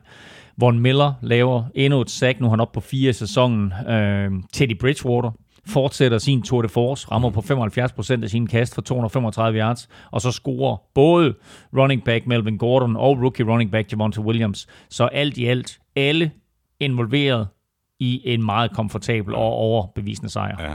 Spørgsmålet er, hvor langt de kan nå. De er 3-0 nu. Ja, altså, øh, de kan komme rigtig langt, men lad os nu også lige spise brød til, øh, inden de vokser ind i Super Bowl-himlen, fordi de har haft klart det nemmeste program af alle mandskaber indtil videre med sejre over Giants, Jets og Jaguars. Hvor mange kamper de vundet til sammen? Ikke så forfærdeligt mange. 0. Mm. De er 0 og 9 til sammen, så altså det har været et nemt kampprogram. Nu kommer den lidt sværere del af deres, øh, deres kampprogram med Ravens, Raiders og Browns i de næste fire uger. Og så glæder vi os selvfølgelig til, til kampene mod Chargers og Chiefs, øh, som jo kommer lidt senere på sæsonen. Der er altså lige fire opgør der mm. ikke? Øh, i den anden halvdel af sæsonen. Øh, de er ramt af skader skal man lige lægge mærke til. Øh, primært på angrebet. Øh, først så røg Jerry Judy, receiveren ud. Han er ikke færdig for sæsonen, men det er KJ Hamler til gengæld. Øh, den her lille speedy receiver, han ødelagde sit korsbånd, så han er, han er desværre færdig for, for 2021. Det, det er jo lidt for Teddy Bridgewater Company. Øh, og så blev to starter på den offensive linje faktisk også skadet, så øh, nu skal de lige tage en dyb indånding, mm, mm. og så øh, gøre klar til Ravens, men det bliver da en super fed kamp. Ja, du tosser, mand, og øh, det er ikke tosset at starte sæsonen 3-0, øh, uanset hvem man så har, har spillet imod. Lad os lige øh, vende blikket mod uh, Jets og deres rookie quarterback, Zach Wilson, som jo så rigtig godt ud i preseason det hele, det er bare sådan lidt sværere i grundspillet, mm. altså når det, når det virkelig gælder, ikke? Jo. Uh, hård start på NFL-karrieren for ham og for de andre rookie quarterbacks i det hele taget, men uh, efter at set skarp ud i preseason, hvor vi roste ham i store vendinger, uh, men hvor man også må sige, at sejre og nederlag er lidt ligegyldigt, og du spiller mod anden rangspillere, så er det jo noget helt andet at skulle komme ind i grundspillet og forsøge at vinde en kamp i NFL på en søndag. Uh, han har ikke været tæt på endnu. Han har kastet syv interceptions, hvilket sammen med Trevor Lawrence er, er flest i NFL. Mm. Uh, det hjælper selvfølgelig heller ikke, at uh, der er skader på den offensive linje, og alle hans uh, våben mere eller mindre uh, var eller uh, blev skadet. Uh, Jets havde ikke Jameson Crowder med i den her kamp. Denzel Mims var af uansagelige årsager sorteret fra, øh, var det, man kalder et healthy scratch. Øh, og både rookie Elijah Moore og tight end Tyler Croft bliver skadet i den her kamp. Øh, Corey Davis var sådan set det eneste solide våben, og der må man sige, der var bare ret nemt for, for no-fly zone Broncos forsvar at tage ham ud af kampen. Så det kan godt gå hen og blive en lang sæson for Zach Wilson og for rookie head coach Robert Sala. Du har et øh, spiltip til øh, Odds.dk, øh, Claus Hemming? Ja, det er for sent. Nå, nu er det for sent. Jamen, det er fordi, det er sådan, jeg kom til, og jeg kom til at skrive det forkerte sted ind i mine noter, så det er faktisk til Bills-kampen. Nå, men lad os ja. bare tage det. Ja, vi tager lad os det. Bare vi, tage tager, det vi tager det. Nå, men Bills møder Texans i den kommende weekend, og Bills er en af, af rundens aller, aller største favoritter, så derfor så gider vi ikke til at spille dem lige på. Men hvis Bills kan slå Texans med mindst 10 point, så er der odds 1,42. Det er et uh, stabilt odds, 1,42, og de skal bare vinde med 10 point over Texans. Ja. Ja, det tror jeg så også, at, øh, at de gør. Jeg tror også, det bliver svært for Texans at følge med der. Ja, ja. Vi skal lige runde øh, Broncos Jets af. Øh, Broncos de er 3-0, og de får altså besøg af Ravens. Interessant opgør lige der, og så Jets altså 0-3, og de spiller hjemme mod Titans. Wow! Ugen spiller præsenteres af Tafel. Og nu skal vi nemlig øh, have trukket lod om en kæmpe kasse med taffelchips. Vi er nemlig fremme ved ugens spillerkonkurrence, hvor vi i går nominerede fire spillere på Twitter, Facebook og Instagram. Og de fire spillere, de øh, var Justin Tucker, Josh Allen, Miles Garrett og Matthew Stafford. Hvordan tror du, det gik? Jamen, øh, nu har jeg tjekket vores øh, Facebook. Hvor man jo kan stemme med emojis. Præcis, og der var 242 stemmer, jeg tror, de 90 procent, hvis ikke flere var på Justin Tucker. Ja, lidt, øh, lidt færre her. Josh Allen fik øh, 6 procent af stemmerne. Miles Garrett fik en smule mere, nemlig 8 procent. Stafford fik så igen en smule mere, 10 procent, og det betyder så, at Justin Tucker løb afsted med hele 76 procent af stemmerne. Det er meget godt, når der er fire spillere, ikke? Jo, men altså, det er jo bare så en... en altså, prøv at høre, han, han vinder jo egentlig uh, ugen spiller her, på trods af, at han jo brænder et 49 yard field goal i den der kamp, uh, men altså banker en 66 ind, ikke, som selvfølgelig er historisk, og, og det er derfor, han vinder. Uh, de andre gjorde det også godt, og jeg vil faktisk sige også, at jeg vil egentlig også gerne have haft nomineret Justin Herbert mm. for hans præstation mod ja. Chiefs. Ja. Vi kan ikke nominere alle det de gode spil, det kan vi ikke. Elming, vi skal have fundet en vinder, og ja, øh, det er jo dig, der er. Lykkens skudinde. Lykkens skudinde. Der er en vis sandsynlighed for, at det bliver Justin Tucker. Og må sige altså. Det blev det. Ej. vi skal smooth ud til Westjylland. Skal vi det? Vi skal... Jeg har fundet et navn her. Ja. Og vi skal op til Harboøre. Og nu ved jeg, hvor mange NFL-fans der er i Harboøre. Men, Men der er i hvert fald en. Og han har skrevet Justin Tucker. Udråbstegn, udråbstegn. Så Anders, Eriksen, du er winner i dag. Hvor er det godt. Ej, det var, var det synd i sidste uge, hvor der var en fra Svendborg, der troede, han havde vundet. hey, hvor, helt alt, hvor, hvor, hvor realistisk er det? Ja, At der sidder to i Svendborg, Ja, det- der har stemt det samme og sendt ind til NFL-showet. det, og det er da vel lidt realistisk, er det ikke? Jo, jo, vi har lyttet over det hele. Ja, præcis. Og altså også i, uh, i Harboøre. Harboøre. Godt. Uh, Anders Eriksen, uh, stort tillykke til dig. Jeg sender dit uh, navn og adresse videre til Tafel.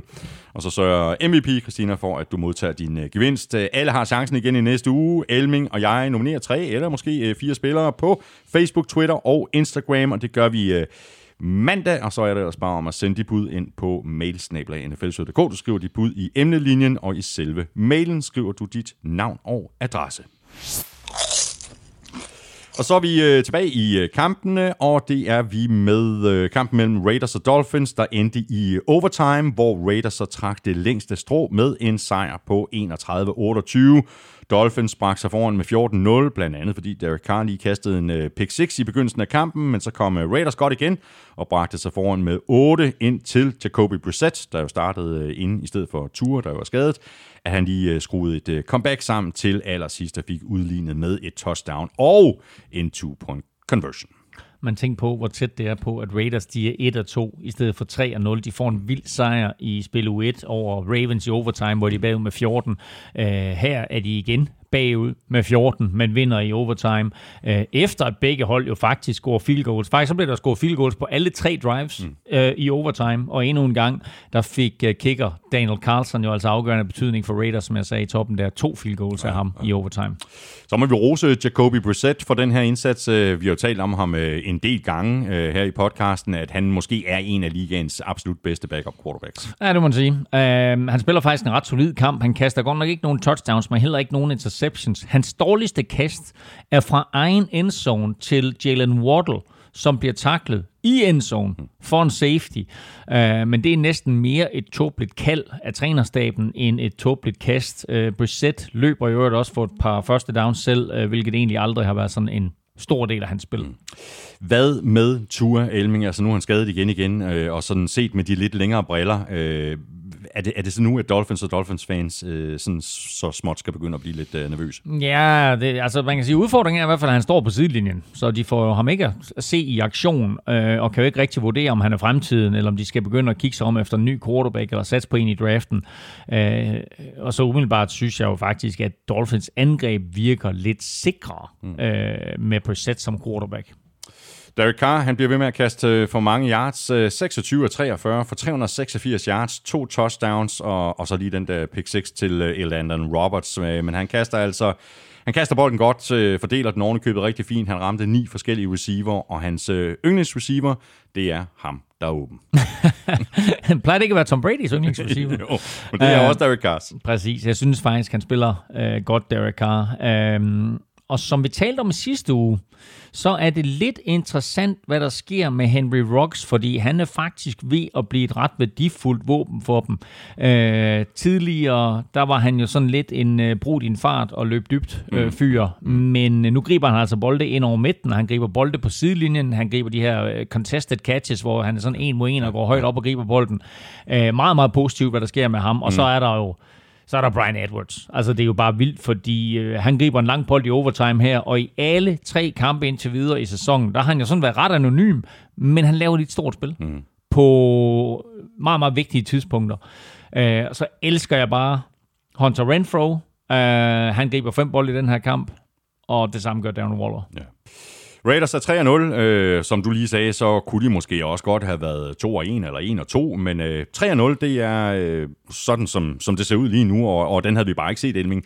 Kar spiller godt, øh, men, men forsvaret har vel så også sin del af æren, har ikke?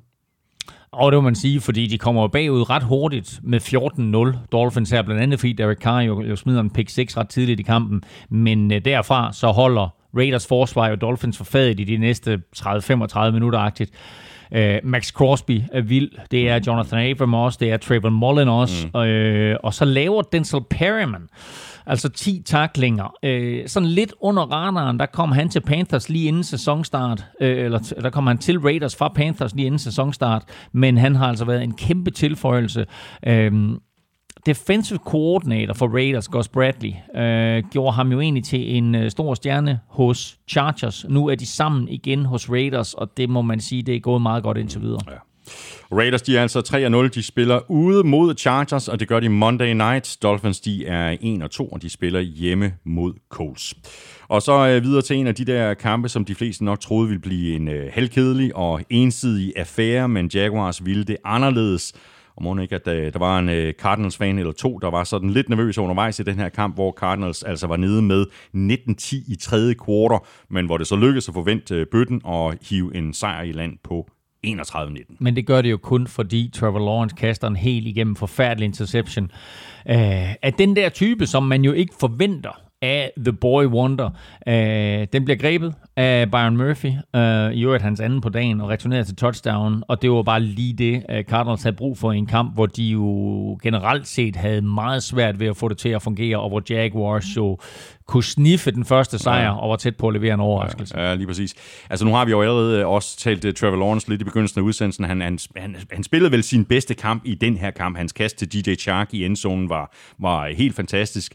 Men helt overordnet, så er der godt nok stadigvæk et stykke vej endnu for den her unge mand. Altså to interceptions i hver af de første tre kampe i NFL. Og ja, så fumblede han også lige et par gange. Ikke? Jo, øh altså, jo, han spiller sin bedste kamp, men altså, han kaster stadigvæk de der interceptions. Øhm, men altså, skal man se sådan lidt positivt på det, så er der jo kun to tidligere nummer et picks, der har startet karrieren med to interceptions i hver af deres tre første kampe. Det er Troy Aikman, ja, og det er Peyton, Peyton Manning, Manning. Øh, og de har altså vundet fem Super Bowls til sammen. Så lige nu er det nok det, som bekymrede Jaguars-fans, de skal hænge deres hat på. Øh, Lawrence har, som du siger, helt sikkert sin place, men han koster dem også kampen. Øh, men altså, det er også en del af en læringsproces. Mm, ikke? Mm. Cardinals er et uh, rigtig godt hold, uh, og det er vel lige præcis det, der kendetegner gode hold, at de kan levere på et højt niveau med ryggen mod muren. Først der skruede Kyler Murray lige et uh, 75-yard uh, TD-drive sammen, lynhurtigt fem spil, og lidt senere så lavede Byron Murphy en pick 6, og så var Cardinals pludselig, altså, øh, de var foran med 24-19 i stedet for at være bagud med 19-10. Det er vel det, der kendetegner gode hold. Ja, og jeg ved ikke om øh, jeg ved ikke om Cardinals tog lidt for let på tingene, men, øh, men det her det er NFL, og passer man ikke på, og gør man ikke sit bedste, så taber man. Øh, de bliver hjulpet af den der gigantiske Trevor Lawrence brøler, men ellers så kunne de altså godt have tabt den her kamp. Nu står der en sejr, og der står 31-19 ud for kampen, og så tænker man walk in the park, men det var det ikke. Nej, det var det ikke. Til gengæld vil jeg så også sige, at da de først får den der interception og pick 6 og kommer tilbage, så kører de den sikkert hjem. Mm. Og det, det, er også, det, det er også noget af det, der kendetegner et godt ja, hold. Præcis. Hvad var dit indtryk efter kampen i forhold til Kyler Murray? Øh, godt eller skidt? Altså, han leverer jo nogle vanvittige spil, som han altid gør. Mm. Men øh, han havde altså også et par, par temmelig dårlige spil undervejs. Ikke mindst den interception, han kastede i, i double coverage. Og den interception mindede mig rigtig meget om den, han kastede i sidste uge mod Vikings, øh, hvor jeg sagde, at det var en del af hans spil, som han skulle pille ud, øh, fordi øh, altså man kan sige, det gjorde han så ikke til den her kamp, øh, men, men det er helt klart fremadrettet et fokuspunkt for, for Cliff Kingsbury. Øh, nu vinder de kampen. Mm. Øh, jeg synes ikke nødvendigvis, det er Kyler Murrays skyld. Han er en fantastisk spiller, og han har som altid sin, sin spil og nogle vilde spil øh, undervejs, men han skal blive klogere. Øh, udfordringen er måske hans ringe højde, fordi det er jo, altså helt ærligt, det er jo ikke sikkert, at han kan se, at han kaster ind i double coverage. Um, altså, han er jo vidunderlig at se på og sådan noget, ikke? men man skal bare lægge mærke til, at der står altså øh, i hvert fald ni fyre foran ham. Ja som er en meter højere, end han er. Mm, ja, nogenlunde. AJ Green, han er ikke færdig øh, med at spille fodbold. Fem grebne bolde for 112 yards. Øh, og altså, fedt. det her angreb øh, med AJ Green, det er altså en, en fornøjelse at se på, når det ruller. Ikke? Ja, og fedt, fedt, fedt at se ham tilbage. Og kan han spille sådan her, så er han jo en kæmpe tilføjelse. Og det var også lige nøjagtigt, hvad Cardinals havde brug for på en dag, hvor Kyler Murray til DeAndre Hopkins ikke helt fungerer, som den plejer. Mm. Cardinals, de er 3-0. De spiller topbrag i NFC Vest ude mod Rams. Jaguars, de er 0-3, og de åbner runden Thursday night ude mod Bengals. Og Bengals, øh, de fik sig lige en øh, rigtig god skalp med deres øh, sejr på 24-10 ude over divisionsrivalerne fra Steelers, der ellers producerede flest yards på angrebet, men turnovers har aldrig været godt for noget, og det kan vel næsten ikke overvurderes, hvad den her sejr den betyder for Bengals, som alle jo ellers er enige om at placere nederst i divisionen efter Steelers, efter Ravens og efter Browns. Men nu slår de altså Steelers. Siger bare noget, ikke? Bengals ligger på en delt førsteplads i AFC Det gør de nemlig lige præcis. Og den her kamp, den var så vigtig på så mange parametre ud over sejren.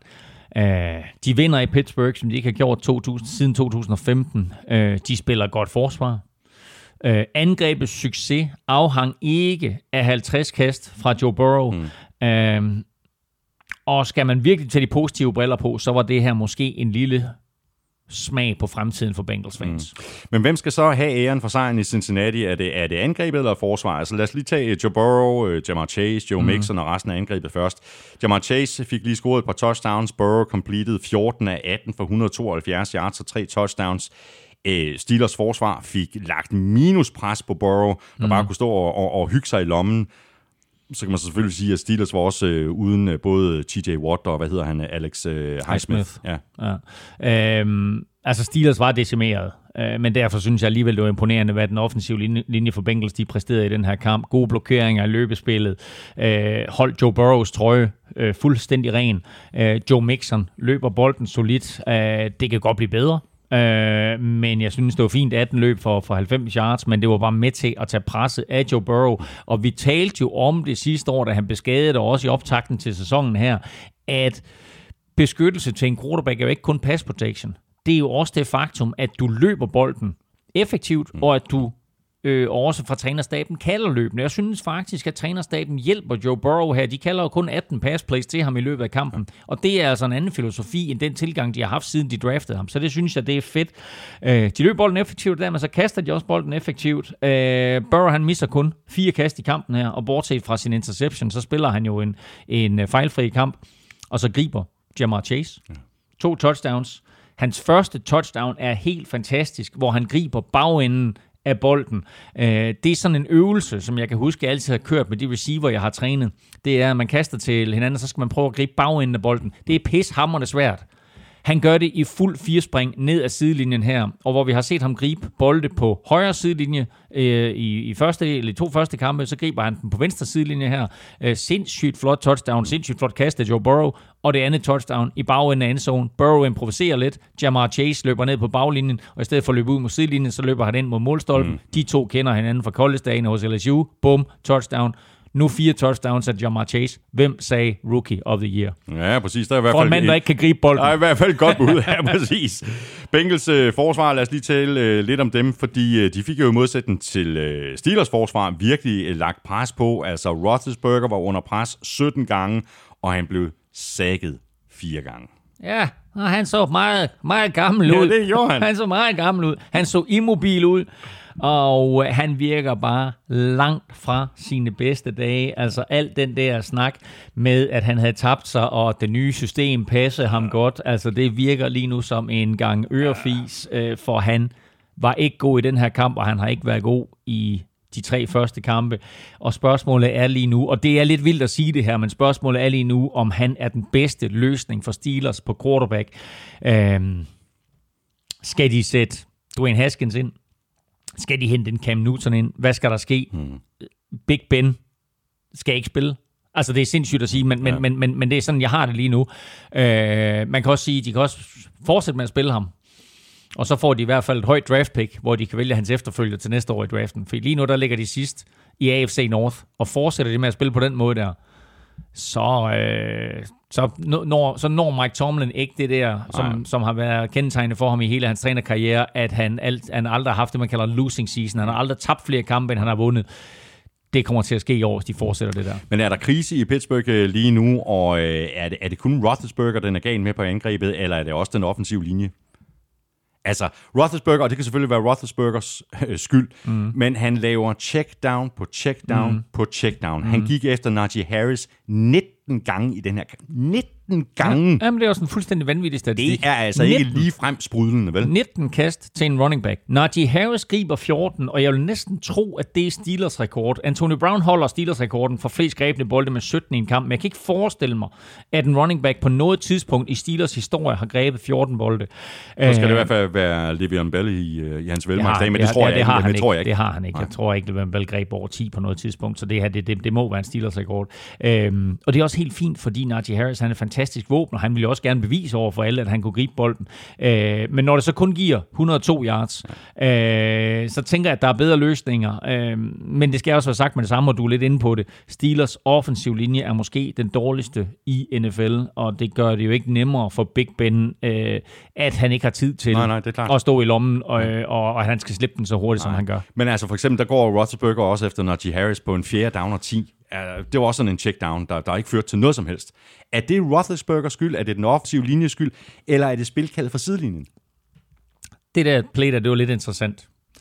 Det er en fjerde down og 10, og så laver han sådan et, et lille hurtigt kast ud til siden, uden at der egentlig er blokeringer. Ude foran Najee Harris, havde det været en screen, så kunne man sagt, at det er en chance at tage og sådan mm. noget. Men det her, det er bare et kast ud til Najee Harris, hvor man så siger, hey, skaff os lige 10 yards, ven.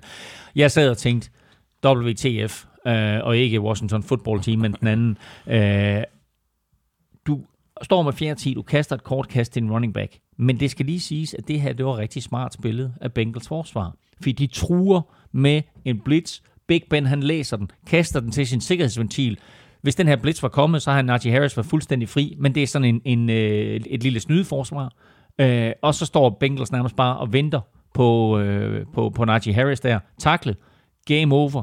Bengals vinder over Steelers.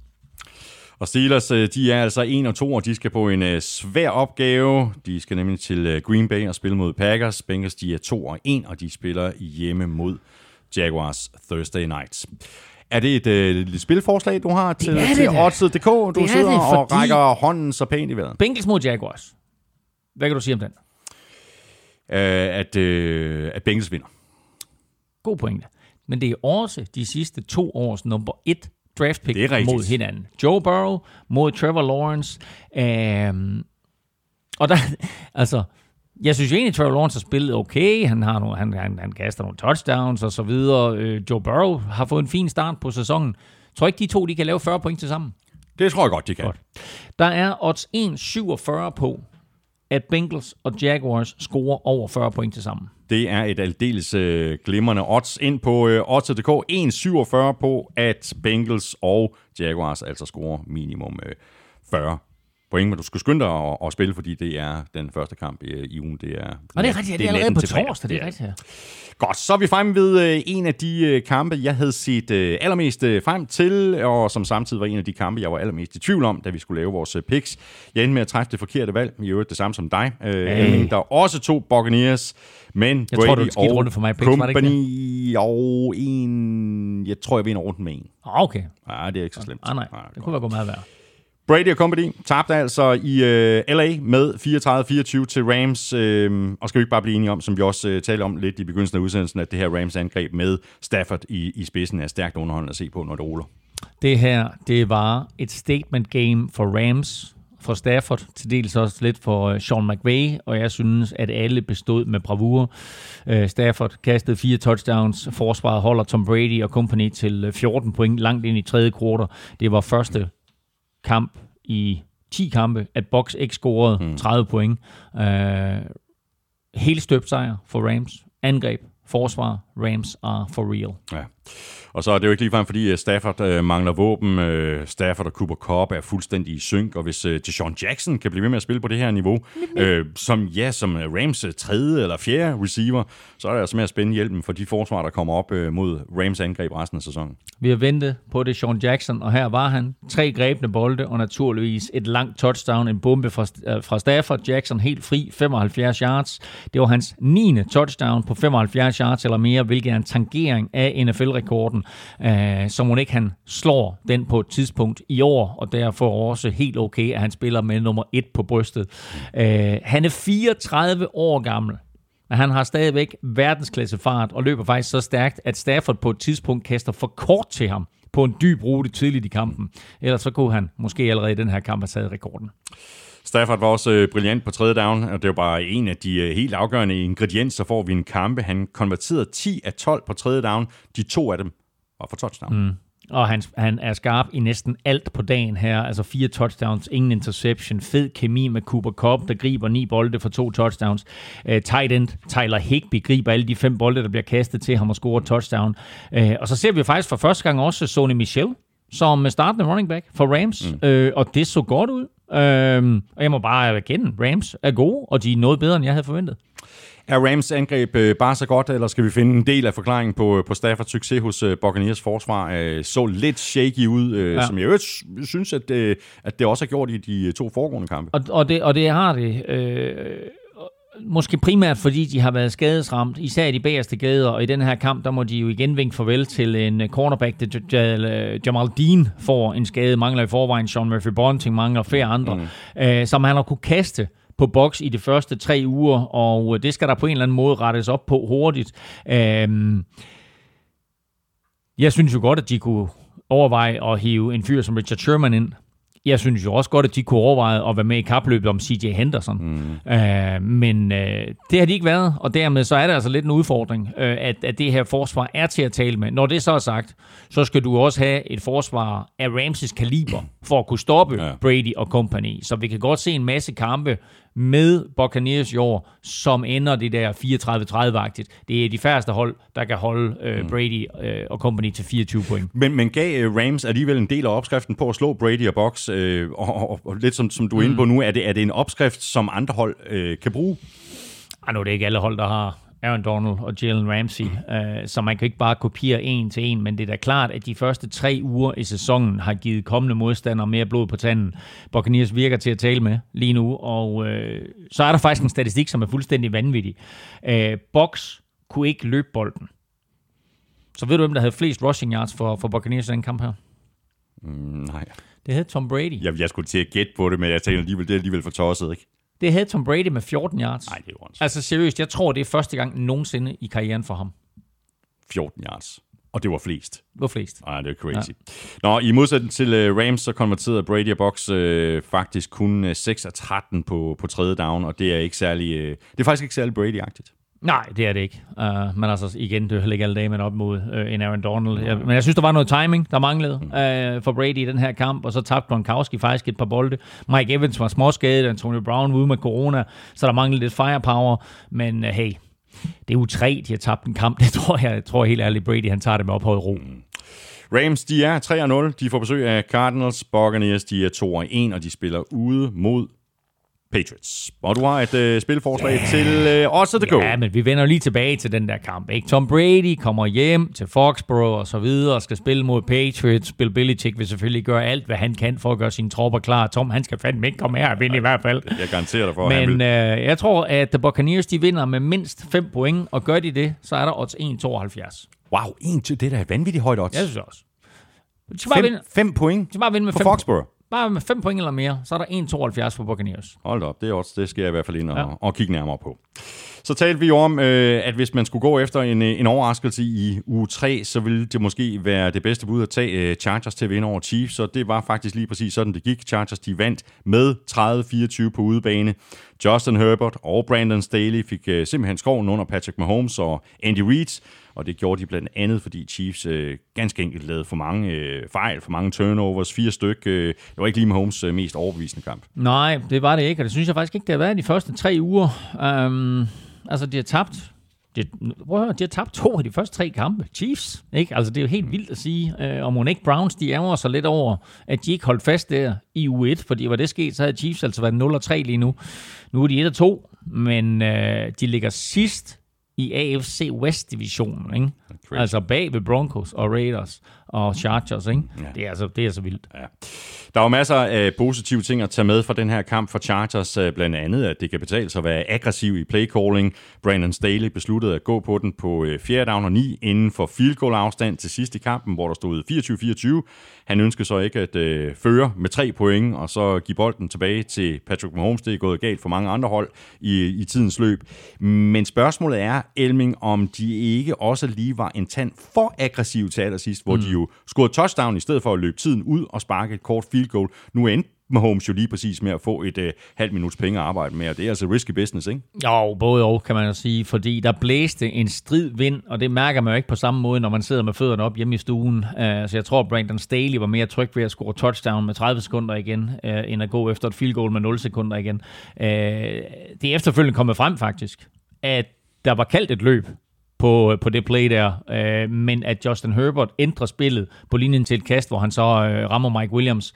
Øh, Og paradoxalt nok, så brænder kicker Vizcaino jo ekstra pointet. Ja. Så måske så var det den klogeste beslutning, mm. uh, selvom den selvfølgelig var noget ukonventionel. Og jeg kan også godt forestille mig, at trænerstaben måske lige siger til, til uh, Justin Herbert, uh, her, når man efterrationaliserer på kampen, siger man, prøv at høre, med 30 sekunder igen, ikke? Altså, så i hvert fald lige køre et play, mm. og så kaste den. Præcis. Uh, få lige tage nogle ekstra sekunder brug, brug lidt af tiden, der, der, der, der er ingen grund til uh, at give mig home chancen der. Nej. Hverken uh, Mahomes eller Rodgers skal have chancen til sidst. Nå, det kommer vi ind på. Det kommer vi tilbage til. ja.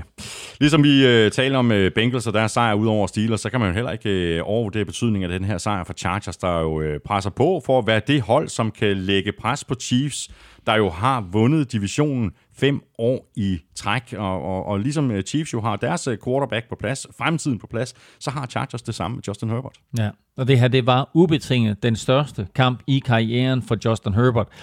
Øh, prøv at høre, han har kun spillet 18 kampe ja. i NFL, ikke? Mm. Øh, men han er jo allerede ved at blive en, en veritabel superstjerne, som forudset her i NFL-showet mange gange. For længe siden. Ja, øh, han vandt både kampen, og han vandt det der direkte battle med uh, halv milliard dollar manden Patrick Mahomes.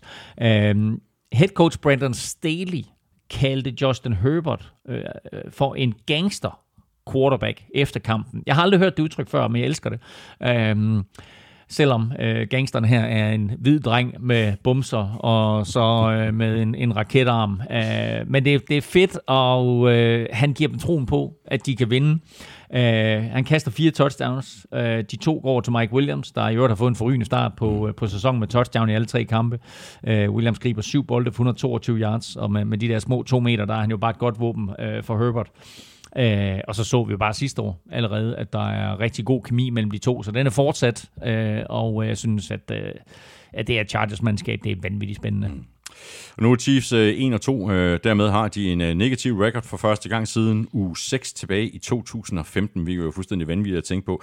Men hvad så? Er det, er det bad luck, øh, eller er der noget, der tyder på, at øh, modstanderne måske efterhånden har fået en, en del af opskriften til at slå Chiefs og, og med Holmes, og vi uh, talte jo også uh, lidt om uh, Chiefs forsvar i sidste uge, at det måske mm. er til at tale med. Ikke? Præcis, og det er en udfordring for Chiefs, at deres forsvar ikke er godt nok, men det har aldrig været et problem for dem, fordi Mahomes bare gik ud og lavede 30 point, eller 35 mm. point, og selvom de var bagud med 10 eller 20, så var de aldrig ude af en kamp. Men altså, hvis man ser på sæsonen indtil videre, så har de jo været igennem tre fuldstændig identiske kampe, og for tredje uge i træk, der er det en sen turnover, der afgør kampen. I spil u 1, der falder det ud til Chiefs Chiefs fordel. I øh, u 2, der fumbler Clyde edwards det gjorde han i øvrigt igen her i, i weekenden. Øh, og i søndags, der kastede Mahomes så en katastrofal interception der med to minutter igen, som jo fører til Chargers touchdown øh, og ender med at blive afgørende. Og det kan simpelthen ikke nytte noget, at Mahomes han laver den interception. Øh, godt nok var han under pres, hele dagen, og Joey, Joey Bosa spiller en stor kamp, og Brady's defensive tropper, øh, sagde, sagde, Brandon Staley's defensive tropper, får en virkelig, virkelig, virkelig stor skalp her. Men Mahomes er superstjernen på det her hold, og det er hans skyld mm. til sidst i kampen, at Chargers får muligheden for at vinde, fordi han kaster den der fuldstændig vanvittige interception. Chiefs er 1 og 2. De spiller ude mod Eagles. Chargers de er 2 og 1, og de spiller hjemme mod Raiders Monday Night. Og så var der også pres på i Minnesota, hvis Vikings ikke skulle starte sæsonen med tre nederlag, og man kunne også næsten se det på holdet og spillerne, synes jeg, at det her det var en meget, meget vigtig kamp og de endte så også med at tage stikket hjem med en sejr på 30-17 over Seahawks, øh, der jo ellers begyndte kampen bedst. Det må man sige. Seahawks er jo foran 17-7, øh, og det så altså ikke alt for godt ud for Vikings, men så skal der lov for, at øh, Kirk Cousins showet det gik i gang, og øh, Vikings lukkede jo fuldstændig ned for Russell Wilson resten af vejen. Seahawks scorede ikke i de sidste 40 minutter af den her kamp, og så tabte Russell Wilson for første gang i sin karriere til Vikings. Ja. I sidste uge der tabte øh, Vikings en tæt kamp til øh, allersidst, blandt andet fordi forsvaret de tillod, at der blev sat 34 point på tavlen. Der var blevet strammet op. Øh, Vikings forsvar øh, holder jo fuldstændig Seahawks angrebet fra at sætte point, altså som du også siger, mm. altså på tavlen i anden halvleg og, og den sidste del af, af, af første halvleg, hvilket er noget af en præstation. Forsvaret fik lagt pres på Russell Wilson, der simpelthen var nødt til at kaste bolden øh, væk flere gange.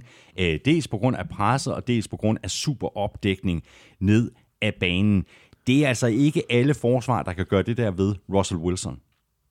Bestemt ikke. Og lad, lad mig lige korrigere dig, fordi Vikings tabte i sidste uge. Øh, ikke, øh, ikke på grund af, af de ting, du remser op, men fordi deres idiot kicker brændte for 37 yards med, That's part of the story. med, med, med, med 0 sekunder igen. Ja, det er part of the story. Men jo, Vikings er blevet bedre uge for uge, og anden halvleg var forrygende, og Mike Simmers forsvar var forrygende i anden halvleg. Øh, de holder Russell Wilson og company til 81 yards i anden halvleg. Øh, Seahawks kommer ikke længere end Vikings 43-linje og scorer 0 point. Øhm, så en meget, meget imponerende indsats, og forskellen sent i den her kamp, i modsætning til starten af kampen, det er, at Seahawks blev ved med at køre på Brashard Breeland, mm. øh, og da Vikings ligesom fik justeret og givet Brashard Breeland noget hjælp, så blev der også lukket ned for, for Ross Wilson. Så bliver vi nødt til at lige runde det faktum, at uh, Vikings jo var uden uh, Dalvin Cook i den her kamp. Uh, hvem har så brug for Dalvin Cook, når man har Alexander Madison, 26 løb for 112 yards?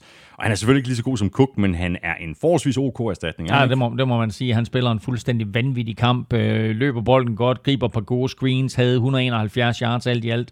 Øh, og det bør øh, gør Vikings mere trygge ved at give ham flere carries og flere plays, øh, selv når Dalvin Cook er frisk, og på den måde, der kan man jo spare dem begge to. Øh, den offensive linje var virkelig god, både pass protection og løbeangrebet, og når de skulle ud på screens og andre finurlige plays, så en, en virkelig, virkelig flot indsats af, af Vikings angreb. Og nu øh, indledte du med at, at kalde det for The Kirk Cousins Show, men et mm. velfungerende løbeangreb og en velfungerende offensiv linje er vel alfa og omega for Kirk Cousins mulighed for at operere i det her angreb, så det hele det ikke ligger på hans skuldre. Det er vel der, hvor han er bedst, at han ikke skal ud på, på den måde og, og vinde kampene ved at kaste sejren i land. Jo, men, men altså, det, er, det hænger alt sammen sammen jo, og øh, det her det er præcis den måde, som Vikings gerne vil spille på, og man må bare sige, at Kirk Cousins, han spiller altså en vanvittig flot kamp. Øh, et er, at han kaster tre touchdowns til, øh, til Thielen og til Jefferson og, og tight end Tyler Conklin.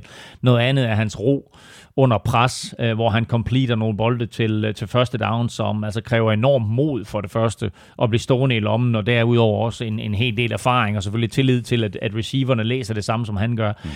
Øh, der er et enkelt kast, jeg vil fremhæve her. Det, det er det kast, han laver til KJ Osborne ind over midten på, på tredje down med en all-out blitz for Seahawks, øh, nærmest hængende ind over sig. Øh, det er play, som ikke kommer til at figurere nogen steder på statistikken, men det flytter kæderne, og det er bare enormt frustrerende for forsvaret, og, og sat point på tavlen lidt senere for Vikings der. Så øh, øh Mike Zimmer, som ellers er defensive minded, øh, han kaldte det her for den bedste offensive præstation, han har set i, i sin tid i Minnesota. Har øh, Seahawks øh, angrebet et eller andet, de skal se på i forhold til deres øh, præstationer i anden halvleg, øh, i forhold til deres præstationer i første halvleg? Altså de seneste to kampe, der har de scoret sammenlagt 41 point i første halvleg, og til sammenligning har de scoret 6 point i anden halvleg. Wow. Det, kan, det kan selvfølgelig være et, et, et, et tilfælde, men det kan jo også skyldes, at de simpelthen ikke justerer i pausen, og dermed bliver for nem at læse. Det var jeg faktisk lidt klar over. Det er, det er en vild statistik, det der. Jeg ved ikke, hvad det skyldes, men det var helt tydeligt, at Vikings i hvert fald ikke ville lade Russell Wilson slå dem ved at løbe selv. Uh, Vikings disciplin på forsvaret nok, var nok det, jeg var mest imponeret over. Uh, hvor ofte har man ikke set uh, Russell Wilson løbe selv for en første down. Mm. Uh, og touchdown og så videre, men i den her kamp, der var Vikings altså super opmærksom på, at han ikke skulle slå dem med løb øh, eller improviserede plays, så de fik i hvert fald justeret, mm. og deres justeringer var tydeligvis bedre end Seahawks, og dermed så øh, vandt Vikings en meget, meget vigtig sejr. Mm. Og Vikings, de er altså 1 og 2 nu, og de får øh, besøg af Browns. Seahawks, de er også 1 og 2, og de spiller ud mod 49ers. Så 49ers, de spillede jo den øh, sene søndagskamp. De havde besøg af Packers, og Aaron Rodgers og company trak sig sejrsrigt ud af den kamp 30-28 og kampen blev afgjort i de øh, døende sekunder på et 51-yard field goal af Mason Crosby, efter at 49ers ellers lige havde bragt sig foran, men Niners de efterlod simpelthen for mange sekunder på klokken, 37 sekunder for at være helt præcis. Og 0 timeouts. Ja, lige præcis, og det var Rodgers jo fuldstændig glad med, ikke? Fuldstændig vanvittigt. 37 sekunder, ingen timeouts, no problem. Og, og jublen, jublen som 49ers øh, lavede, da, da, da, de, da Kyle Juszczyk han scorer det her touchdown, ikke? Altså, ja, du ved, bare, de, det er for tidligt, det ja, her. Ja, ja, ja. Um, uh, og øh, var, det, var det Marcus Valdez Scantling, tror jeg, eller mm. en af de andre receiver i hvert fald fra, fra Packers, som øh, lige sendte en sviner til alle de tilskuere, der er gået. Hvor, gik I før tid? Altså har I ikke set Rodgers CV? Mm. Og her der kom der bare endnu en uh, comeback-sejr på hans CV, fordi det her, det var jo en helt igennem sindssyg afslutning. Man, man kan sige det på den måde. Altså 49ers burde jo aldrig have været i nærheden af at vinde den her kamp, og så kommer de alligevel foran der igen med 37 sekunder igen. Og så kommer Rodgers, og så fyrer han sådan en drive af der, og så kan 49ers stå på sidelinjen og se Mason Crosby ja, banken ja. 51 ind til, øh, til, til sejren. Et, selvfølgelig fantastisk af Rodgers, men to, igen, det vi talte om i starten, kicker. Ikke? Altså Mason Crosby, det er lige meget, at det er udendørs, og så videre, og så videre. Det er det bare er, money, du. Det er money. Ja. Rodgers og Packers de startede jo sæsonen øh, helt øh, og aldeles miserabelt med et øh, ydmygende nederlag i U1, øh, hvor intet fungerede, heller ikke på angrebet, men vi kan vel bare konstatere, at, øh, at det var den kamp, altså U1, der sådan ligesom stak negativt ud, og at Rodgers og til Adams og hele det her angreb er tilbage på sporet. Ja, man må sige, den, den duo der, den er bare så vild. Altså, der er sådan en anden form for telepatisk forståelse mellem dem, og når... Øh, jeg vil sige især den der præcision, som Rodgers han udviser på de der back shoulder fades til Devonta Adams. Altså forståelsen mellem dem der, og placeringen af bolden, og selv du ved, når Rodgers han lidt kaster ud af balance, altså det er bare så præcist. Øh, og det er der lidt, man kan se, at han er den regerende MVP, fordi der er intet, du som forsvar kan stille op over for de der kast. Øh, Adams griber 12 bolde for 132 yards og touchdown men det er alle hans første downs, og det er de der to catches, han laver i de sidste 30 sekunder, som er med til at give Packers sejren. Det er alt, hvad han foretager sig på en fodboldbane. Ja, det er, er en kæmpe fornøjelse ja, at, at sidde og se på. Og crazy øvrigt med uh, Adams, der jo fik et ordentligt skrald af, af en takning i, i slutningen af kampen. Oh. Han, uh, han var så lige ude i teltet et par spil, så kom han ellers tilbage på banen og spillede uh, jo faktisk en, en hovedrolle med, med to grebne bolde for 42 yards på det, på det aller sidste drive. Præcis, men det der, det var sådan et ægte 70'er hit øh, en receiver, der går op efter en bold, og så en safety, der kommer for fuld skrue og bare smadrer ham. Øj, hvor har jeg savnet det. når, når det så er sagt, så er det efter de moderne NFL-regler øh, nok ikke helt lovligt. Nej, det var noget med defensive player, og så mener jeg også, der var snak om, det var helmet til, til helmet, men det synes jeg nu ikke, det var. Ja, jeg ved det ikke. Prøv at høre, det går så stærkt. Øh, at det er nemt for os i, i langsom gengivelse at sidde og vurdere, om der var en straf. Men jeg synes faktisk, det går så stærkt, at jeg tror, at dommerne vurderer, at Adams ikke blev ramt i hjelmen. Øh, et vildt hit, og han ligger der og vender det hvide ud af øjnene. Mm. To plays ud på sidelinjen, tilbage ind, og så griber han alligevel øh, den sidste bold, ikke, som sætter øh, field goal forsøget op for Mason Crosby. Så kommer vi ikke øh, helt udenom at tale øh, Jimmy Garoppolo. Øh, det var sådan en, en blandet pose bolcher fra hans side. Han uh, kunne have kastet touchdown mere, end han gjorde. Hvis bolden så ikke var blevet øh, tabt i endzone, så kom Trey Lance ind og scorede på et løb i stedet for. Garoppolo gik endelig dybt, det gør han jo ellers ikke øh, ret meget. Den bold den blev så interceptet, han fumblede sent i anden halvleg, men det var så også ham, der stod bag i 49ers uh, comeback, da, mm. da de var bagud med, med 17-0 i første halvleg. Så det her, det var vel sådan den uh, sædvanlige omgang, den gode, den under, den uh, grusomme for, for Jimmy G.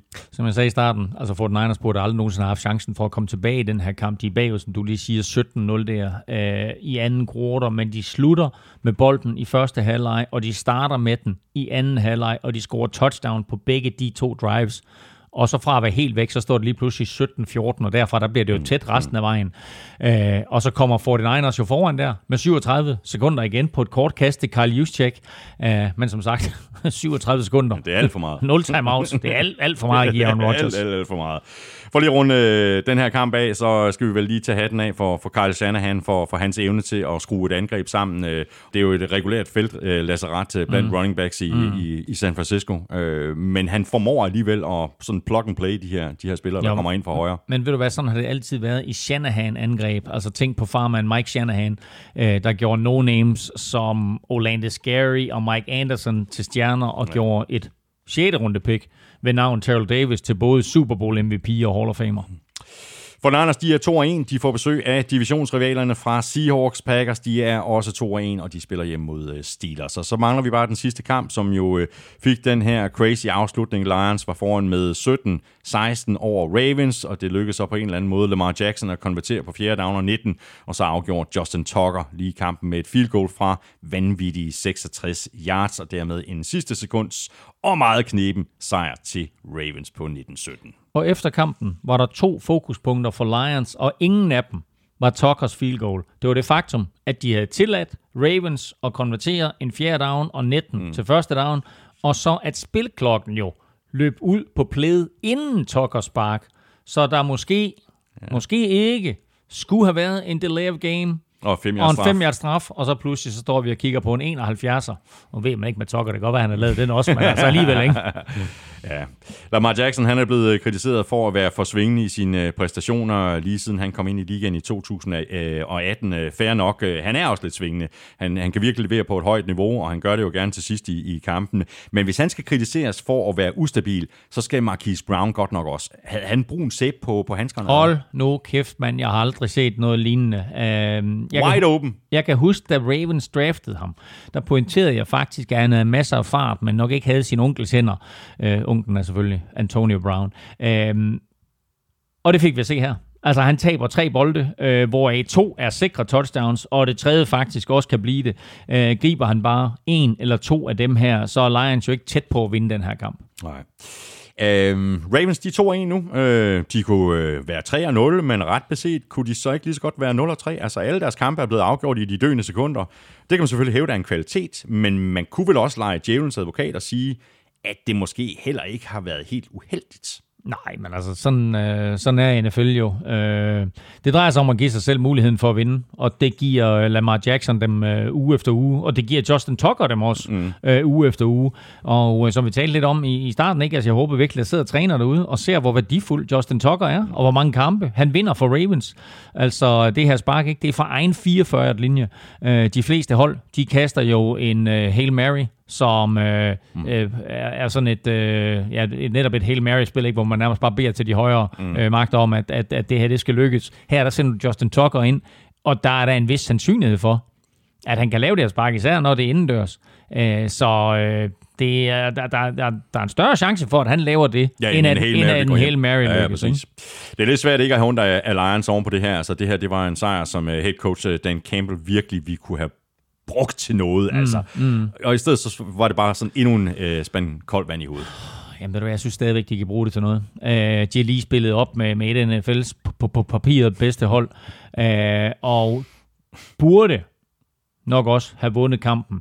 Øh, og efter skuffelsen så, så har lagt sig, så tror jeg, det kommer til at få positiv indflydelse i omklædningsrummet, og forhåbentlig også i Detroit-pressen øh, og hos klubbens fans. Men det er da klart, at det er en gigantisk skuffelse ja. her og nu, og at de aldrig skulle have tabt den kamp, og at de med rette måske også kan give lidt af skylden til dommerne for den der manglende 5 straf. Og så skal Lions måske lige lære at spille øh, to gode halvleje i en kamp. De er 0-3, men de har mere eller mindre udspillet Ravens, 49ers og Packers, bare kun i en enkelt halvleg. Øh, ja, men ved du de spiller faktisk OK. Øh, på trods af, at de talentmæssigt ikke er på højde med de andre mandskaber, men øh, jeg synes, der er en god fornemmelse i Detroit, og øh, spillerne har købt ind på, på Dan Campbells filosofi, mm. øh, og den der øh, latterlige pressekonference, han holdt før sæsonen med at bide ja, modstanderne ja, i knæskallen. den er glemt, ikke? Øh, den er glemt, men at pointen med det, med at spille tough, mm. hele den mentalitet, den synes jeg faktisk kan mærkes på holdet. Lions er altså øh, 0-3, og de skal til øh, Chicago og spille mod Bears. Ravens, de er 2-1, og de spiller ude mod øh, Broncos. Har du en... Øh... Nej, det var bare lige en lille pointe omkring Justin Tucker og det her, fordi det er jo egentlig fuldstændig vanvittigt, at det ikke er første gang, at han afgør en kamp øh, i, i Detroit. Æh, I 2013 der vandt han kampen for Ravens med et 61-yard field goal i sidste sekund, og den her gang altså med et spark på, øh, på 66. Det år der, med 61 yarderen, mm. der ender Ravens faktisk med at vinde uh, Super Bowl. Så uh, just saying, uh, at uh, mm. det, det, er måske det, vi er i gang med at se her for Ravens. Uh, Tucker udtalte i øvrigt efter kampen, at uh, jeg kan virkelig godt lide Detroit. Jeg overvejer at købe et hus om. godt, det var uh, spil u 3. Uh, lige om lidt, der skal vi have sat vores uh, picks til fjerde spillerunde, når vi ved uh, samme lejlighed kaster et uh, lille blik på uh, Tips 12-kupongen på tips.dk. Vi skal øh, forhåbentlig også have nogle rigtige svar i la quizzen, og så skal vi have udløst spændingen i forhold til Otterquizzen og se, om der er nogen, der har ramt de seks udsagn fra sidste uge, og måske er så heldig at vinde et øh, free bet på 200 kroner til Odds.dk.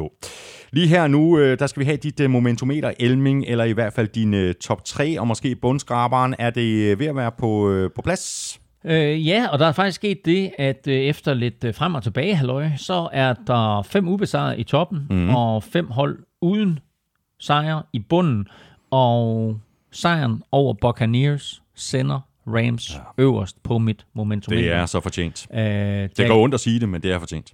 Jaguars ligger nederst. Og i Elmings øh, momentometer finder du det sædvanlige sted, og det er selvfølgelig på gulklud.dk.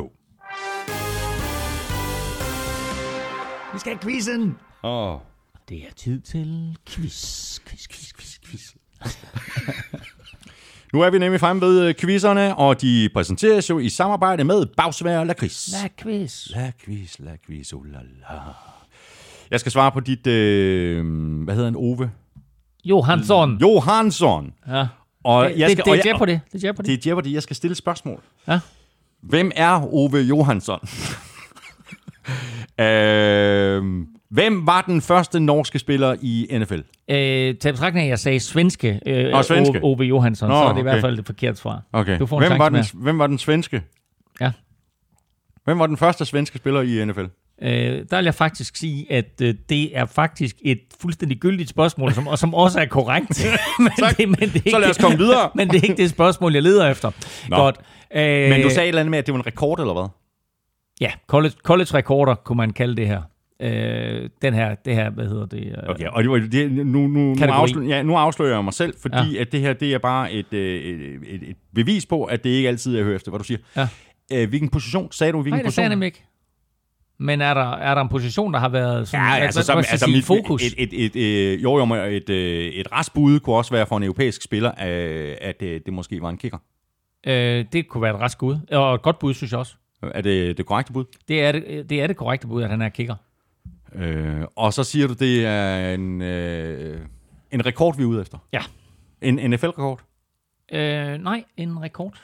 Øh, En, svenske Ove Johansson, der spillede college football i Texas og havde en kortvarig NFL-karriere. Hvilke, altså, et, så har kicker været i fokus i den her uge. Ja. Hvad, hvad, hvad, har, hvad har sådan været i fokus også for mere kickerne? sådan rimelig sådan rekordagtig. Præcis. Øhm, øh, og det college, men kortvarig ja. karriere.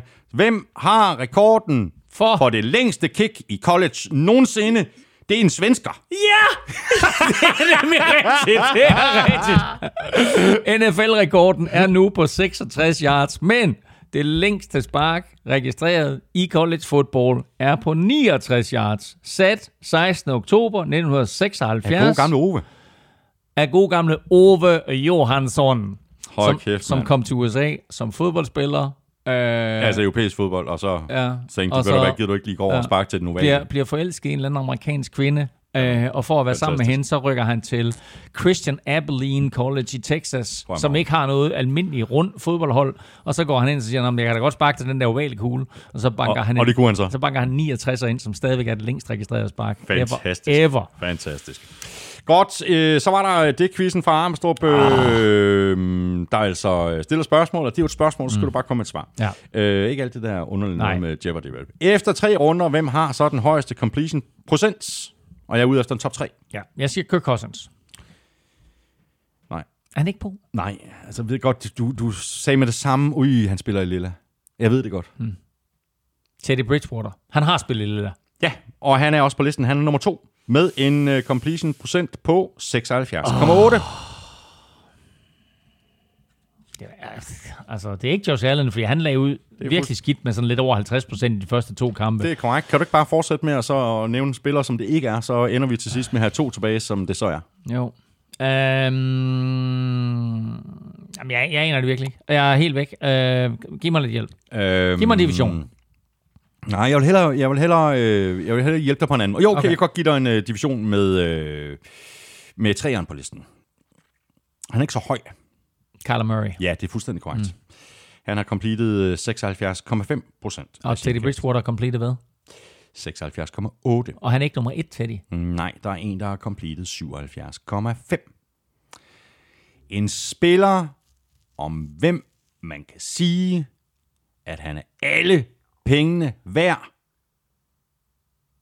Det er han i hvert fald blevet, efter at han har gjort comeback i år, efter en helt forfærdelig skade sidste år.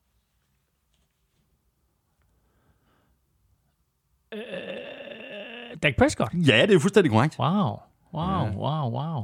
77,5 procent øh, har han altså i completion wow. procent. Han 86 spiller- af men- men ved du 111 hvad? for 878 yards. Han spiller også godt, Dak Prescott. det gør han. Og det er nemlig. vildt at se ikke den forskel, der er på det her Cowboys-angreb med ham Ja.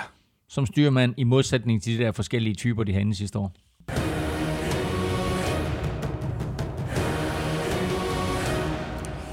Så var det jo i øh, sidste uge, Elming, at øh, Otterquizzen gjorde comeback her i showet, og der er rigtig mange, der har været omkring vores øh, Facebook-side og givet deres bud på, hvilke af de seks udsagn, der vil holde hele vejen. Det kan man jo sådan set godt forstå, fordi man har jo chancen for at vinde et free bet på 200 kroner til Odds.dk. Der var kun to af de seks udsagn, der holdt. Det var udsagn 1, at Derrick Henry ville løbe for mindst 100 yards, og udsagn 5, at Derek Carr ville kaste for mindst 300 yards. Så hvem havde så den kombination? Altså 1 og 5. Det var der flere, der havde, men øh, det her det er jo lidt ligesom i Highlander, there can be only one. Sådan. Så øh, nu skal der trækkes lod, og Elming, øh, det er op til dig. Du, øh, du sidder med nogle, øh, med nogle sædler, og det er bare om at hive fat i en af dem. Jeg tager en op her.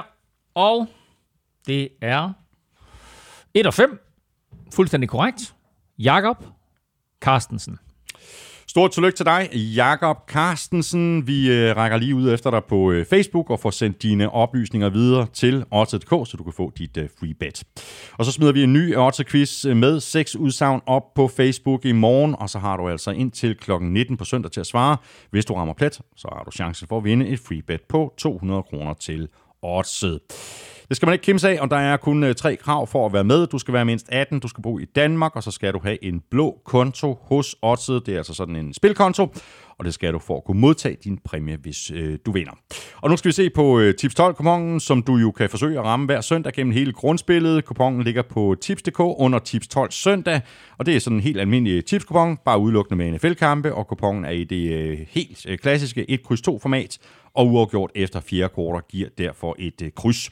Der er øh, 100.000 kroner i øh, første præmiepuljen, som deles mellem de tipper, som har 12 rigtige, og det betyder jo så altså, at øh, du har chancen for at løbe afsted med de 100.000, hvis du er den eneste, der rammer plet, og der er også præmier til 11 og 10 rigtige. Og bum, bummelum, nu var der bingo, nu fik vi en, der løb afsted med de 100.000 Wow. kroner helt alene. Godt.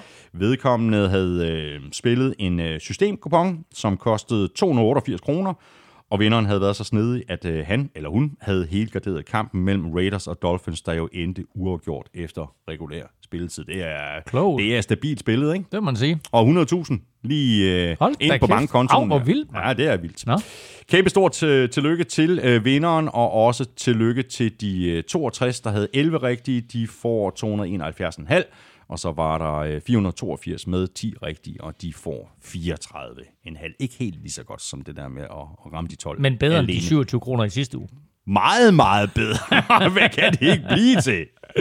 Nå, alle har chancen igen med den nye Tips 12-kupon. Du finder den altså på tips.dk, og den ligger under Tips 12 søndag. Og øh, Elming, vi skal jo sætte vores øh, picks på alle kampene lige om lidt.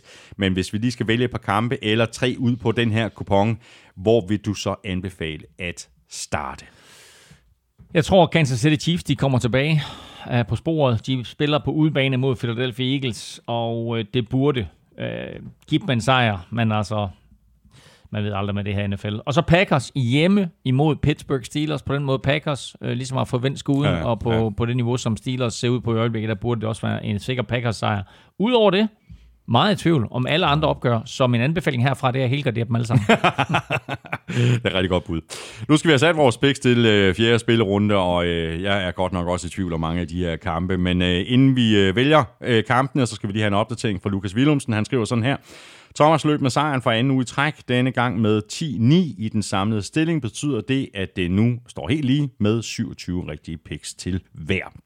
Claus gik med Washington, og det blev således en 9. gang i rap, at han missede en kl. 19-kamp med deltagelse af holdet fra hovedstadsområdet. Claus får dog allerede muligheden for at gøre en ende på den kedelige stime på søndag, når Washington skal en tur til Atlanta. Og så er Claus faktisk ikke langt fra en af de mere prestigiøse rekorder i NFL-showets picks-konkurrence. Claus har nu ramt udfaldet af Jaguars kampe hele 15 gange i streg, og jeg er dermed blot to rigtige picks fra Thomas' rekord på 17 i streg. Jacks tager i ugens Thursday Night Football opgør til Cincinnati. Og Claus har faktisk endnu til gode at ramme en Bengals kamp i 2021, so something's gotta give. Præcis. Og så lidt øh, fokus Ja, på de... skal jeg bare tage Bengals, og de vinder, sådan fortsætter det jo. Ja, det er selvfølgelig rigtigt. Øhm, så lidt fokus på de to øh, West-divisioner til sidst. For Thomas, der drejer det sig om øh, NFC Vest, hvor han har misset Cardinals seneste seks divisionsopgør. Og for Claus handler det om AFC Vest, hvor han har misset udfaldet af de seneste fire opgør mellem Chargers og Raiders. Ja, så skal vi til det. Spille runde 4 Bengals Jaguars. Jeg siger Bengals. Det gør jeg også. Og det er uden at ryste på hånden. Jets, Titans. Titans.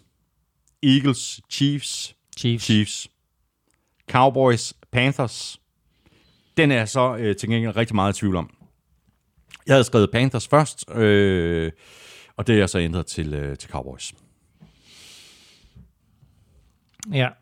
Øhm, jeg tager også Cowboys. Saints, Giants. Jamen, jeg kan ikke... Øh, jeg gider ikke Giants. Nej. Jeg siger Saints. Jeg så siger Giants. Sådan der. Tak skal du have. Ja. Vikings, Browns. Bum, bum, bum, bum, bum. Det gik jo godt det sidste Ja, uge, det ved gjorde at, øh, at du tog Vikings, og jeg tog modstanderen. Så Ja. lad os gøre det igen. Øh, nej tak, jeg tager Browns. Nej. jo, det gør jeg.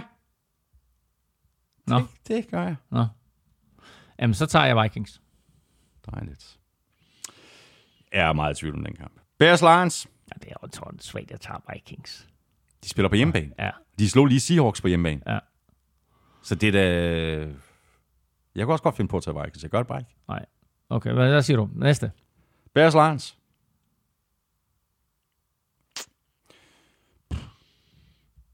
Øh, ja, det er ikke godt, vel? Øhm, jeg siger Bears. Gør du? Ja. Wow, jeg siger Lions. Mm. Godt. Bills Texans. Bills. Bills. Dolphins Colts. Uh, Colts skal i gang nu. Mm, det skal de. Hvad siger du? Jeg siger Colts. Det er jo Jacob Brissett mod sit tidligere hold. Mm. Jacob Brissett spiller mm. i den her uge imod Colts, og han spiller ugen efter imod Patriots. Så de to klubber, han har spillet Ja, for, før wow. han kom Ja. til Dolphins. Ja. Øh, du tager Colts. Ja, Så tager jeg Dolphins. fedt.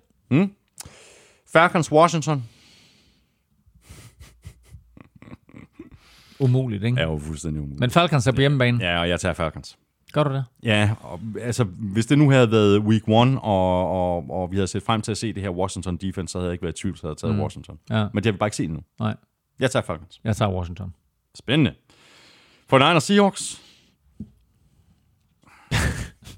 Fort Niners hjemme. Skrækkeligt. Det er Øh. skrækkeligt, og Seahawks, de har lige tabt, og de ligger nederst i, Ja. i vest. Øh, Ja. De skal tilbage. Det er et ubehageligt tidspunkt at spille mod Seahawks ja. på det her. Men jeg bliver nødt til at tage 49ers, jeg bliver nødt til at, tage, jeg bliver nødt Ja. til at gå, gå, gå med mine Niners. Okay, jeg siger Seahawks. Ja, selvfølgelig gør du det.